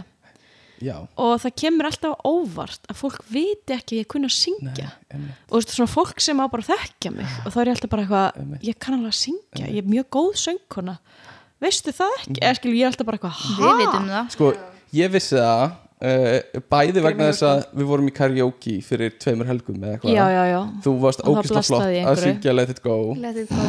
og það er líka til læðið en að gríma já, og líka í vikunni fyrir það eða eitthvað þá varst að tala um hvað þú ert góð sönguna já Og svo þannig, náttúrulega nú er ég náttúrulega að æfa mig í því já, að segja það að því að ég er eitthvað, Já. vá, það er svo fyndið að ég hafi ekki takið pláss Já. með þetta. Já. og ert komi fucking bara góð. að, já, ég, og ég veit það, þú veist, og það er það sem er svo skrítið að ég er eitthvað svona, þetta er svona eitt af því svona fáa sem ég er bara eitthvað, já, ég er góð í þessu. Þú veist, að því að oftast myndi ég vera eitthvað svona já, ég er fín, eða, þú veist, En ég ég, held- veit það ekki alveg en þetta er ég bara eitthvað, já, mjög góð í sönguna en það er svo fyndið að geta svona að vita eitthvað svona um sjálfa sig Algjörlega. og allir hinir eru bara eitthvað, ha? Einmitt. En saman þú með fyrir fyndin? algjörlega þetta er Já. algjörlega eitthvað, það er sko. eitthvað, ha, já en ég held að sé what? svona einmitt af því að þú veist þú ert góð í því að þá Mm. er, þá er eitthvað svona hræðsla um að fá einhverju höfnun já, einmitt. Eða svona mögulega þú veist, þú Mm. vilt ekki státað of mikið eitthvað sem þú veist að þú ert raunverulega því þér finnst það. Einmitt, Að ég er náttúrulega líka bara alltaf verið frekar mikið mús eh, skilur svona, sem er náttúrulega fárulega fyndið að hafa svo farið til leikaranám en uh, þú veist, ég er bara svona meira tilbaka heldur en kannski margir leikara sem eru bara með svona risa ego og risa svona nærveru. Ég er svona meira bara tilbaka. Já. og þá einhvern veginn átti ég alltaf erfitt með bara að taka eitthvað pláss með allt þetta. Þú veist, Algjörlega. ég, ég get kveikt á þessu og verið eitthvað svona hér ætla ég að taka allt plássið og vera bara rah, þú veist, og þá þá þarf ég bara að kveikja, þú veist, það er bara næstu í svona Já, annar önnur stilling ég sko. tengi svo mikið við þetta sko. Sama. En þetta er líka smá Já. tilgangur hópsins. Já, aftur, þú veist. Já, og klárlega nafnsins, eldklára eftirsóttar að bara svona valdefla hver aðra, bæði sem hóp en líka bara sem einstaklingar. Og þú veist, við höfum eins og þetta, við erum að gera bók og það kemur smá bara með heiða rithöfundur hún, þú veist, við erum að trista á þú veist, við erum með þetta hérna element. Já, já. og svo hérna, þú veist, vorum við jólasýningun og við eitthvað gríma, þú syngur náttúrulega í byrjun skilji, að svona að og meni, ég er að gera kápuna og ég, þú veist nýtt, við erum notum mínar ljósmyndir í rosa margt, þú veist, við erum að nota það sem að við höfum og svona peppa hver aðra í því. Og mér líður svona mér finnst alveg ég sjá, þú veist, okkur allar og sérstaklega þegar við erum saman þá erum við bara eitthvað, djöðlega erum við flottustu konur á Íslandi .is. Svo fyrir heim og senda voice message eitthvað, ó þessu er umilegt hann, hann svaraði ekki skilubóðum en svo, já, einmitt, af því það er eins og til dæmis við vorum, tókum þátt á Reykjavík Friends í fyrra og erum að gera aftur núna.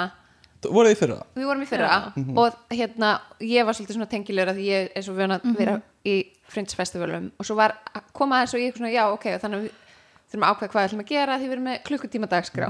Og sumar voru bara klukkutíma, bara við? Eitthvað svona, af því að einmitt. en þá gáttum við peppa hvora aðra í að Algjörlega. það, bara minnst og nú hefur við gert það þú veist, gerðum það á jólasýningunum mér finnst þetta gala ef við sem bara með klukktíma núna. Já, ántjóks, þið getið al, eða, veist, bara fyrsta sem ég hugsa er bara ekkert mál fyrir ykkur að standa undir klukkutíma sko. nei, ég held ekki, ég meina jólasýningin var klukkutími Já, Það ég var held að það sé ógeðslega fyndi það er svo skemmtilegt að sjá munin að þá hefur verið bara eitthvað "Hó, hvernig ætlum við að gera það og nú erum við eitthvað klukkutími ok, já um, Þá getum við bara gert þetta og þetta og Á, þetta. okay, já. Já. en löfi, langar líka að syngja Matta hérna eldsnögt Já. bara, uh, bara smá fringe Já. hvað er fringe? Sko, fringe hátíðir eru svona listaháttíðir mjög mikið sviðslista en uh, það er líka eitthvað svona myndlista og svo þetta Reykjavík fringe er í, í lok uh, júni, byrjun júli og uh, sérst, það eru svona hátíður um allan heim og um öll Norðurlöndin það er til Nordic Fringe Network. Ég hef til dæmis farið til Gautaborgar að taka átt í fringe hátíð. Og þetta er bara svona, þú veist, jaðar listir, eða þú veist, svona on the fringe. On the fringe og uh, þannig að veist, það eru uh, margar sýningar í tjarnabíó af því að það er náttúrulega það leikhús sem að stendur undir hérna sjálfstæðum sýningum. sjálfstæðissenunni hér á landi. Einmitt. og þetta er bara svona til þess að þú veist það er svo mikilvægt fyrir listamenn eins og við vorum að tala um að eiga eitthvað samtal við aðra listamenn. Þannig að það er fullt af alþjóðlegum listamennum að koma til landsins. Meðal hans rosaflottir alþjóðlegi grínistar eins og Fern Brady er að koma, ég er mjög spennt að sjá hana. Um, og bara eitthvað svona, veist, það eru líka haldin workshop og þetta er bara svona menningar, veist samskipti, skilur og svona hátir ég, veist, hef aldrei verið típan sem að fyrir á tónlistarháttir að því mér finnst mjög erfitt að vera á tónleikum en ég elska sviðslistir, þannig að ég fer á hérna frunsháttir Já, uh, sko, mér langaði rosa mikið mm, að fara í leik en Mhm. þátturinn er bara orðin það langur að ég þarf eiginlega bara að fá eitthvað til að koma einhvern tíma seinna aftur í meira spil Já. Já. uh, að koma í eitthvað svona alls konar skemmtilegt að ég er með fullt af hugmyndum sem væri gaman að gera með ykkur uh, og Getur Mhm. líka að fengið hín að fjórar í hómum? já, nei, Nei, Nei, ekki- við viljum koma aftur, við viljum. bara Já. bjóða okkur fyrir að fá Við viljum leika og bara hinnar með að vera með. Uh, nei á podcast Uh, Gunnlega hefur nefnilega verið svo duglega að mæta í sko, improv podcastið sem, sem hérna Improv Íslandi með sem ég er að stjórna oft. Og þannig að hérna við Gunnlega höfum oft tekið upp saman þætti. Mm -hmm. það er að því ég er eina sem þarf ekki að fara heim til maka eða barna eftir síningar Já, ég held að ég sé orðin svo eina í hópnum sem er það, nei Steini er komin til landsins? Kannski ekki hún, ok, nú er ég að henda henni undir lestina með mér. Uh, hérna, en sko áður en við slúttum þá langaði mig að gefa ykkur uh, gjöf. Og ég keipti sérstakt svona No Serious súkulaði með svona perlum sem, sem ég er að ykkur. borða. Já, já, þú ert að Nei, ég er að grist, ég sá þú bara opna Ó, ég er að nei. En hérna, Svo vel. Ég er að grist, ég var að bjóða ykkur upp á þetta Nei, en ég er með aðra gæði fyrir ykkur. Og What? Í hérna- alvörunni? Og hérna, ekki búið til mikla vonir. Ekki búið til háa væntingar En samt gera af því Ég fór í um daginn. Og ég hef sagt þessa, þetta í, í þætti fyrir tveim þáttum. En ég veit að ég hlusti ekki. Og uh, ég þurfti að kaupa mér uh, ákveðdót og var, gerði fastlega ráð fyrir því að svona bestu nef uh, Costco innkaupastjóruna sem eru með svona fáaðasta lyktarsmekkin hefðu hérna uh, séð um innkaup á þessari ákveðnu vöru og kaupi sko rosalegt magn af þessu Ok. Uh, á þess að fá að prófa og lykta af sagt, vörunni. Og kemur í ljós að þetta er uh, ekki fyrir mig. Þannig að nú ætlum ég að leysa ykkur út með dollu af svona svitalikta fyrir kallmenn uh, Ok, sem ég var, ég, fa- það, við vorum með pissupásu rétt áður en þetta Já. yeah. stað og ég fór á klósetti og sá einmitt kassan svo inn að baðja og ég bara, ég hef aldrei, ok, notar Stefán þetta? Nei, af því þetta er algjör viðbjöður en þetta er extra, extra large uh, uh, spray Lynx body spray. Wow. og ég er með eina fyrir Hey. hverju ykkar nei, Það er hérna, náttúrulega, ég er náttúrulega alltaf sveitt. þú er náttúrulega alltaf sveitt uh, og mér finnst þetta alveg skelvililegt Ok, grímur að spreyja það smá yfir herbergið. sko, ég ætla bara mígreni. viðkenna Já. hér, hér með að ég sko hata lyktir. Já, ég bara hata lyktir. Það, ég vil helst ekki að sé lykt af neinu. Og ég og Rebecca vorum á sko sýningum daginn þar sem var notur raksápa í lokin. Já og við vorum báða bara eitthvað oi, ötta, oi, ég get ekki að vera hérna? Og sko, Reb, ég var séð var á Rebecca svo svona. og bara, og vorum bara, mm, oi, geggjuleg. oi já, ok, já, ég er þar sko, ég er bara eitthvað, uh, og bara ef einhver sem er fokkin lykt á handsápu eins og til dæmis á fokkin bensinstöðum ég fokkin hati þetta, sorry, ég verð, ég verð Þetta er mjög konan. að fer eftir hansamlega stundum er ég bara wow. Þetta er rosa já, þannig að hérna, ég get Ég- ekki spreyjað þessu út í, út í lofti ég ætla bara að segja En þið megið prófa að spreyja mm, mér finnst þetta góð lykt. Í alvörunni. Já, Mér finnst þetta skell Ég bara, ég var svona ein, Ég ákvað að prófa þetta heilan dag.